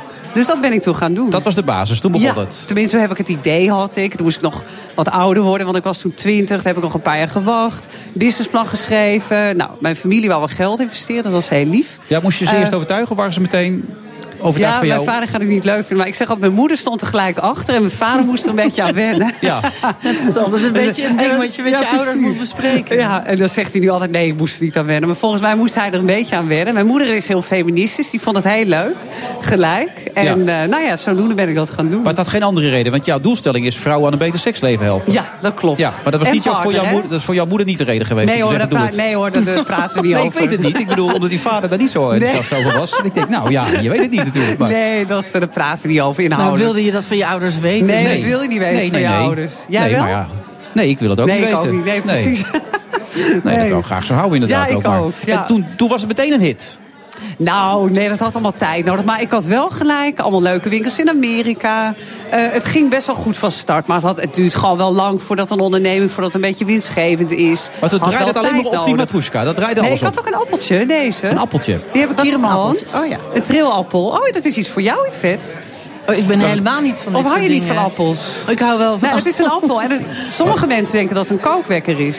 Oh ja, dat zou, je zou het kunnen denken. Het is een radio, maar we zien eh, een prachtig rood glanzend appeltje. Ja, voor je- En het zit op een soort, nou, ik zou zeggen... Opladertje. Oh, dat is een oplader. Ja. Ik dacht, het ziet eruit als een paperweight. Of Nee, ja, precies. Dus, uh, Maar, eh, ik moet wel zeggen, Yvette heeft net eh, heel hoog opgegeven van haar liefdesleven. Althans van haar gelukkige liefdesleven Ja. met haar man. Ja. Maar dat zou nog een aanvulling kunnen nou, zijn, weet zeg je jij. wat het is? Mensen denken vaak dat vooral singlevrouwen die producten hebben. Maar juist stelletjes eh, hebben het vaak. En het kan er gewoon bij. Dus ik zie het echt als een glaasje wijn. Ja. Wat je er gewoon bij neemt in de slaapkamer. Dus ik zie het helemaal niet als een... eh het hoeft ook helemaal niet iedere dag. Maar gewoon af en toe erbij. Gewoon gezellig. Maar even voor de functionaliteit van dat appeltje. Wat, wat, wat nou, dat is, echt een ma- massageappel voor het hele lichaam. Deze verkoop ik niet meer hoor, want dit is een product van zes jaar oud. Maar ik heb dat wel vervangen door een hartje. Ja, en dat is een massagehartje voor daar beneden, voor de vrouw. Voor haar diamantje. Wat zeg je ervan, Yvette? Ik heb, ik heb zoiets nog nooit eh, ge- gebruikt. Ik, zou, ik, zou, ik kan er heel weinig van zeggen. Dus Nou, maar het ziet er weet nu uit als een doosje waar je eh, je ringen in bewaart. Zo Ja, dat is het verpakking. Maar weet je, je moet een beetje vergelijken met een wasmachine en een elektrische tandenborstel. Het maakt het gewoon lekker makkelijk. Als een wasmachine of een elektrische tandenborstel? Ja, want de was doe ik niet met de hand. Die doe ik met de wasmachine. Tandenpoetsen met een elektrische tandenborstel. Nou, en als ik mezelf wil verwennen, kan het met een trilhartje. ik ken iemand die eh, ehm, voor eh, eh, haar persoonlijke genot op de wasmachine gaat zitten. Ja, die zijn er ook. Of de, misschien de combinatie. dat weet ik niet. Ja. Maar dan doet ze er niet eens was in gewoon. Dan gaat ze nee, er dan gewoon op ze zitten. even op de centrifuge Ja? En die luistert nu ook. Ik, ik weet het Met niet. Die gaan mij straks slaan. Nou ja, ik noem geen namen. Nee. Maar dat, eh, ja, dat, ik weet dat dat Ja, gebeurt. en voor zo'n iemand is zo'n hartje wel wat makkelijker. Want dan hoef je niet heel die wasmachine aan te zetten. Nee, dat scheelt een ja, stuk. Het niks scheelt ook wel tussen de kinderen en zo. Dan, eh, Ja, die, precies. Die hebben het dan niks door. We proberen het niet lacherig over te doen. Nee, Nee, we doen niks lachen. Nee, want het, het- het is ook niet meer lacherig, heb ik begrepen, in een tijd Ja, als het, is deze, een, toch? het is een grote business. En 30 Ja. à 40 procent van eh, de vrouwen tegenwoordig hebben een eh seksspeeltje, of hoe je het maar wil noemen, een massageapparaatje in huis. Wat is die omzet die jij nu draait met je bedrijf? Nou, ik doe dat niet ci- geef niet helemaal de exacte cijfers, maar we doen wel in de miljoenen. Dus Maar- zeg maar zes, nee, ja, zes En nullen. is het alleen voor 6 vrouwen? miljoen, ze heeft het gewoon Nee, gezegd. zes nullen. 6-0 ook. Dan, Dat mag is, je, ja, dan, kan het er, dan zit het ergens. Dat kun je zelf berekenen. Ja, maar waarom vind je dat lastig Ja. dan? Is het Business Nee, News Radio, dat mag je gewoon nee, zeggen. Ja, weet ik niet. Het Vind blijft ik niet gewoon ook lastig. onder ons gewoon nee, hier. Ja, nee, precies. Ja, dus nee, ik vind, weet het je, niet dat, nee. Nee. Maar er luisteren klanten en concurrenten. Dus dat vind ik toch een beetje iets wat je Het voor gaat er jezelf gewoon goed. Het gaat er- Kijk, Ja, gaat het is een beetje goed. hetzelfde als ik jou aan je bankrekening ga vragen. Je hebt misschien ook zoiets van, ja, nee. Dan heb ik verschillende bankrekeningen. Oh ja, precies. Ja, ik misschien ook wel. Op eentje staat denk ik eh 8000 En, euro. en is het heel even nog, want, het, want je zegt eh, vrouwen hebben de behoefte aan, misschien hebben mannen daar ook wel behoefte. Ja, is, het, maar weet- is het alleen voor vrouwen? Nou, weet je, ik ben een vrouw, dus ik vind het makkelijke dingen voor vrouwen te maken. Ja. Maar ik zeg altijd echt voor vrouw en partner. En die partner is wel vaak een man, soms Ja. ook een vrouw. Ja. Maar, eh, dus ik zeg voor vrouw en partner. Maar ik vind het zo moeilijk. Kijk, dit kan ik zelf proberen. Ik heb ook wel een testteam, maar dit kan ik proberen. Dus het is heel moeilijk voor mij om iets voor eh, mannen te maken. Want dat kan ik Maar helemaal dit niet proberen. bevalt, dat is goed. Die ja, dat die verkopen heel veel van. Ja, ja. Het is een van de best verkochte producten. Voel mij, kun je mij even voelen ik had het net vast. Oh. Oh, maar niet trillend. Oh, gek effect. Wil je Mag je eens voelen? Ja, tuurlijk. Ik geef het nu aan Yvette, voor de mensen die denken wat is hij aan het doen. Ik geef gewoon het hartje nu aan Yvette. Je kunt ook gewoon je nek masseren, vet, voor eh, te beginnen. Keurig. ja, dat is allemaal... Zo hielden ze vroeger in van die ehm, eh, catalogie. Ja. Hielden die mevrouwen altijd zo keurig een, een, een dildo tegen hun Ja. wang. En dan stond altijd bij massagestaaf. Ja, precies. Ja, dat vond ik een heel mooi Ja, ik woord. hou. Naast de banketstaaf. Ja, ik hou ervan. Je hebt het ook eh, je eigen naam gegeven, Ri- Rian S. is Ja, dat. weet je waarom? Nou? Omdat je in die business, vooral met eh, drie seconden indrukken. In die business zitten er best wel veel, vooral pornosterren, maar ook allemaal mensen met die seksspeels, die dat dan een soort andere naam geven. Maar ik dacht, ja, er is niets voor je voor te schamen. Dus ik geef mijn eigen naam. Nou, dat is ook alweer stoer tegelijkertijd. Ja, en het is ook voor je merk, geeft dat ook vertrouwen. Krijg je hem uit of niet? eh? Oh nee, ik krijg nu een ander. Het is net zoals kerstlampjes. Nee, je moet hem echt drie seconden achter elkaar indrukken. Nee, nee, nee, maar het is net zoals met kerstlampjes. Hij geeft nu een ander ja. ritme Ja, aan. er zijn wel eh, tien standjes, Yvette. Ja? Wat is jouw favoriete standje dan? Weet ik niet. Ik heb Nee? heel veel favoriete standjes. Oh ja, hij gaat nu weer anders. Oh ja, Ja? Het, is Ja. net, het is net als met de kerstlampjes. Ja. Ja, lekker, als ik het zo hoor. Eh, wat zijn nu de trends op dit gebied dan, op dit moment? Ja, je hebt high-tech, zijn er een heel aantal trends. Dus dan heb je weer nieuwe zuigtechniekjes voor de clitoris. Nou, je hebt ook hier wel een keer een merk gehad. Eh, dan kun je op afstand kun je elkaar bedienen. Ehm, afstand? Ja, dat, die hebt hem, volgens mij is hij hier ook een keer geweest. Maar mijn producten zijn juist trendy omdat ze heel modieus zijn. En dat is ook een trend. Dat een seksspeeltje er niet meer als een iets heel ordinair seksspeeltje uit, maar iets heel modieus. En dat is de trend binnen mijn producten. Ziet er wel mooi uit, maar wat Ja. kost zo'n hartje dan? Deze is 34,95. 34,95. Nou ja, prima toch? Ja, Dat is een beetje jouw boek. Hoe duur is jouw boek eigenlijk? Goedkoper. Goedkoper. maar je hebt twee boeken uit, dus zit je wel op 34,95 neem ik aan, toch? erover. Ja. Maar wat zijn jouw doelstellingen eigenlijk, Janne? Dan? Waar wil je naartoe? Wat, wat ja, is je ik wil echt heel veel vrouwen seksueel gelukkig maken. Die het met deze speeltjes. Dus ik denk groot. Dus het liefst. Ja, ik verkoop het al in 40 landen. Zo. Maar eh, hoe meer, hoe beter. Ja. Happy maken. En dan komt het geld vanzelf, hè? Maar het is een Ook toevoeging, hè? Ja. Ja, het is een toevoeging. Een toevoeging, Ja, hè? Dus eh, ja, je gewone seksleven kan ook al goed zijn, maar je kan er nog wat aan toevoegen. Ja, maar je, je, denkt, je eet ook niet elke dag yoghurt. Soms wil je misschien een keer tiramisu of een beetje yoghurt. vla. Ja. En dit is dan de tiramisu. Je legt het wel mooi uit. Ja, maar ik geloof er ook echt in. Ja, Oké, ik sta erachter. dat ja. is fijn. En de appel Ja. doet het niet meer, hè? Jawel, die doet het wel. Maar die heb ik uit de verkoop. Dat is, die is nu een exclusief product die ik wat meer... Daar doe ik niet meer zoveel meer qua verkoop. Maar ik heb bijvoorbeeld ook deze balletjes. Ken je dat? Nee. maar Ja, die is fitness, Die voor de kent René vagina. Van de Grijp waarschijnlijk wel weer, denk nee, ik. dat, maar- is, oh. ja, dat denk ik ook wel. Ja. Nee, dit- nee, nee, nee. Oh god, dit die is heb voor ik de wel eens van iemand vagina. gekregen, Ja, dat is vagina fitness. Vagina fitness? Ja, voor de bekkenbodemspieren. Maar die hang je er dan in en trek je ze eruit dan? Nee, nee, nee, nee. Er zit een gewichtje in. Dus je hangt ze erin en dan ga je die spieren samentrekken. En zo kan de vrouw haar bekkenbodemspieren trainen. Maar dat is toch niet seksueel wind? Of Nee zeggen, dat, is is dat voor, seks- nee, dat is echt voor je spieren laten ontwikkelen. En dat kan voor vrouwen die net bevallen zijn. Of je krijgt een beter orgasme Oh, daardoor. Dus mijn spullen gaan er ook over genieten. Maar ook over seksueel gezond zijn. En daar gaat dit over. Ja, Ja, je kan trainen Dit- ook gewoon. Ja, je kunt gewoon een sportschool in. Maar dan met deze. Je kunt ze ook nu, eh, ja... Dat is een soort kettle, ehm eh, hoe heet die dingen? Vagina kettle. Ja, kettels. Ah, ja. En En ik, dit heb, kan... ik heb me gedrag gelet op het voorgesprek enorm te gedragen. Het is me gelukt, toch? Of niet? Ja, enorm. keurig. Ik heb het Ja, heel, heel je doet het echt goed keurig. aangepakt. Hè? Ja, je doet het Om vooral keurig. de vooroordelen niet gelijk te bevestigen. Nee, helemaal Rian- niet. Rianne S. of Rianne Swierstra Ja, beide. uit Friesland. Ja, ik ben Fries. Mijn familie is helemaal Fries. Maar ik woon nu in Amsterdam. Oké. Ja. Bestje. Nou, Ja, hartstikke ja, bedankt. precies. Ja. Nou ja, dat is onder elkaar Fries. Ja. dus Dat krijg je dan een beetje. Succes! Dankjewel. Maar het gaat wel lukken. Goed man, die business miljoenen. Tot zo.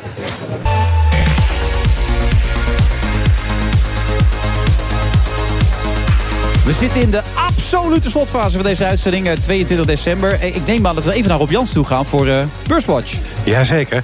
Eh, in Beurswatch straks kunnen we natuurlijk niet heen om de bitcoin-rage. Vandaag ging de bitcoin en ook heel veel andere digitale munten heel hard onderuit. Dat doet natuurlijk vooral pijn bij de mensen die nog maar net zijn ingestapt. We praten ook over de eh, relatie tussen economie en beurs. Want Trump geeft zijn economie natuurlijk een pu- impuls. En in Nederland zijn de Nederlandse Bank en het Centraal Planbureau nog positiever geworden over de economie. Gaan we daar op de beurs volgend jaar ook iets van merken? Waar beleggers in ieder geval iets van gaan merken is de overname van Gemalto door Thales. Ehm, eh, die verdwijnt dus uit de AEX. Daarover ga ik praten eh, met mijn gasten. Ook over welke andere kandidaten in de AEX volgend jaar misschien wel overgenomen kunnen worden. Dat doe ik met Martina Hafkamp van Vintessa Vermogensbeheer en Etienne Platte van Atta Antaurus. Dankjewel Rob. Ja, ja. beurswatch zometeen. Ja, iedereen is een beetje druk bezig. Want Yvette wordt weer aangesproken door een fan gewoon. Yvette, we we zijn nog even met de uitzending bezig. Maar jij krijgt alleen maar fans natuurlijk aan de tafel. En Nee, iedereen... ik zit gezellig met Kuno over wijn te praten natuurlijk. Oh, oké. Met Kuno praat je graag over wijn. Nou, heel graag, ja, natuurlijk. Ja. Hey, maar nou woon je niet alleen in Nederland, toch begreep ik ook. Je woont ook in Parijs. Nou, wonen in Parijs is een groot woord. Want het afgelopen jaar ben ik er vrij weinig geweest. Maar eh, ja, ik heb een klein, eh, een, een soort studioappartement. Ja. En daar kom je dan meer tot rust dan in Nederland. Ja, gek genoeg. eh, nu ben ik verhuisd. Nu heb ik een fantastisch leuk huis met een enorme tuin. Daar kom ik ook tot rust. Maar eh, het is ook lekker om op een plek te zijn waar je geen eh, sociaal eh, groot sociaal, wel klein, maar niet een heel groot sociaal leven hebt. En waar je vandaan kunt werken, omdat ja, internet is overal. Dus dat, eh, Maar je noemt jezelf een kluizenaar. Waarom eigenlijk? Want je... Ik ben ontzettend graag alleen. Ja. Ik ben heel graag alleen. Ik ben heel graag eh, in mijn eentje eh, buiten. Of, ik werk helemaal alleen en dat vind ik heel fijn. Maar je werkt ook met Oof, je man dus, als fotograaf. Ja, ja, ja, die is er heel vaak. Maar goed, die heeft ook een studio waar die ook veel zit. En dan ben ik, eh, ik, ik eh, eh, ben dan heel gelukkig als ik alleen ben, ja. Waarom? Waar komt dat door? Weet ik niet, dan kan je gewoon mijn eigen tijd indelen. Ik ben heel. ik, ik, ik ben niet zo dol op dingen die ik moet. Dat was ik, gek genoeg. Pas ik me daar heel snel in aan. Maar ik vind het ook altijd heel fijn als ik mijn eigen regels Maar je vindt het wel fijn om een relatie te hebben dan? Oh Toch? ja, ja, want dat is ontzettend leuk om eh, samen met iemand te zijn. Ja. Maar tegelijkertijd vaak genoeg alleen. Anders is, is het niet goed om in combinatie... Nee, oh nee, begrijp me niet verkeerd. Ik vind het eh, fijn om alleen eh, te werken en af en toe helemaal op mezelf te zijn. Maar ik vind dat heerlijk als over thuis komt. Ja, dat vind ik altijd heerlijk. Ja. En gek genoeg vind ik dat nog steeds heel leuk. Als ik de deur hoor opengaan en denk ik, oh hey. Waarom is dat gek? Nee, ik vind dat zo alsof je een soort, ik weet niet, het is zo. Ik ben altijd heel, word heel blij van als Dat is toch geweldig na 21 jaar? Ja. Ja, en daar heb je geen speeltjes voor nodig. Ik bedoel, dat, Ja. nee, dat is Nou, wel duidelijk. dat, dat, dat wil ik helemaal niet zeggen. Er zijn, eh, ik, ik, Oh, wat wil je wel zeggen dan? Nee, bedoel, je kunt, je, kunt, je kunt heel gelukkig twintig jaar bij elkaar zijn en je helemaal gek eh, spelen met speeltjes. Dat is natuurlijk ook heel Ja. gezellig. Maar dat is Ja. wel of niet het geval bij jullie dan? Eh, eh, nou, als je het zo op de man afvraagt, nee. Bij ons Nee? eh, nee. Wordt weinig gespeeld? Ja, wel gespeeld, maar niet met speeltjes dan? Niet met speeltjes. Nee. En toch is het nog steeds leuk als die deur open gaat. En dan toch is het leuk Ja. als de deur Maar wat voor spelletjes doen jullie dan wel die leuk zijn? nee, ik bedoel andere spelletjes dus klaarblijkelijk. Ik bedoel, je, je daagt elkaar klaarblijkelijk nog steeds uit op een bepaalde manier. Jee, we kunnen heel goed samen koken. En we kunnen heel goed samen eh, een glaasje wijn in schenken. We dekken altijd tafel voor elkaar. We hebben lange gesprekken. En dat vind ik de leukste avonden die we Maar heb je dan nog iets te wensen eigenlijk? Want het gaat volgens mij hartstikke goed. Met je boeken gaat het heel goed. Je bent Ja. al enorm populair. Zijn er nog dingen diep in je hart? Kijk, dit wilde je uiteindelijk als kind. Hè? Dat was, eh, je bent even dat ontwerp Nou, ik wilde niks. Ik, ik ben verrast over hoe het gaat. En ik, ik vind alle, hè, elke succes is natuurlijk leuk. Dus dat, is, dat is, komt er steeds meer bij. En dat is fantastisch. Maar ehm, eh, nee, ik heb eigenlijk helemaal niks te wensen. Maar dat zeg ik steeds. En elke keer gebeurt er weer iets leuks. En dan denk ik, ah, dat had ik nooit zelf kunnen bedenken. En dat is toch heel erg leuk. Ja, dus zo'n tv-programma, wie weet nog weer nieuwe andere dingen die er ook op je pad Dat kunnen zou gaan komen. zomaar kunnen. Dat weet ik allemaal niet. Ik vind het heerlijk zoals het nu is. En ik ben dolgelukkig. Ja, en nu ga je rust pakken. Ik ga nu echt heel veel rust pakken. Want ben ik de laatste in de rij van al die eh, Je verplichtingen? bent, ja, je bent de laatste in de rij van alle verplichtingen. Ja, ik vond het niet echt een verplichting, maar eh, eh, ja, je bent de laatste in de rij. Morgen ga ik eh, naar de kapper. Naar de kapper, Dat moet heel, heel nodig. En Absoluut. dat is ook een vriendinnetje van mij. Dus Deze heerlijk. maar, ja. En, eh, en dan begint het eh, kerst. eh, Feest. En dan ga je zelf koken, neem ik aan. Ja, dan ga ik bijzonder veel koken. Ja, daar heb ik heel veel zin in. Ja. Nou, dan wens ik je echt heel veel geluk en plezier mee. Dank Fijn, je wel. een nieuw eh, 2018 is het alweer, hè? Wat gaat snel dan, hè? Bijna, ja. ja, Oei, oei, ja. oei. Ik wens het jou ook. Ja, en Ga dan jij het een beetje leuk vieren? Ga jij koken? Ehm, daar denk ik nog even over na. Nee, volgens mij niet. Ga jij koken? Rianne, ga je nee, ik haal het morgen op. Van een goede tracteur. Dat is ook een goeie. Ja. Nou, dat is helemaal ontspannen. Voor mijn schoonmoeder, maar dat vindt ze prima. Dat is toch heerlijk? Ja.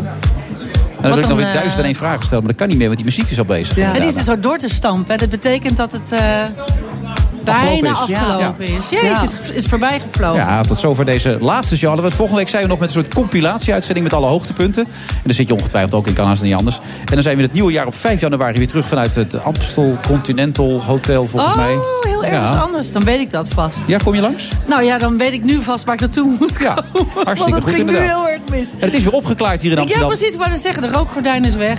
Of de de rook lichtjes branden. op je hoofd is verdwenen. Yvette van Boven, hartelijk bedankt. En Graag veel succes. Rianne trouwens ook. Hè? Dankjewel. Blijf spelen, heel belangrijk. En nu een eh, heel goed eh, uiteinde toegewenst. Een nieuw jaar, 2018, daar zijn we er weer bij.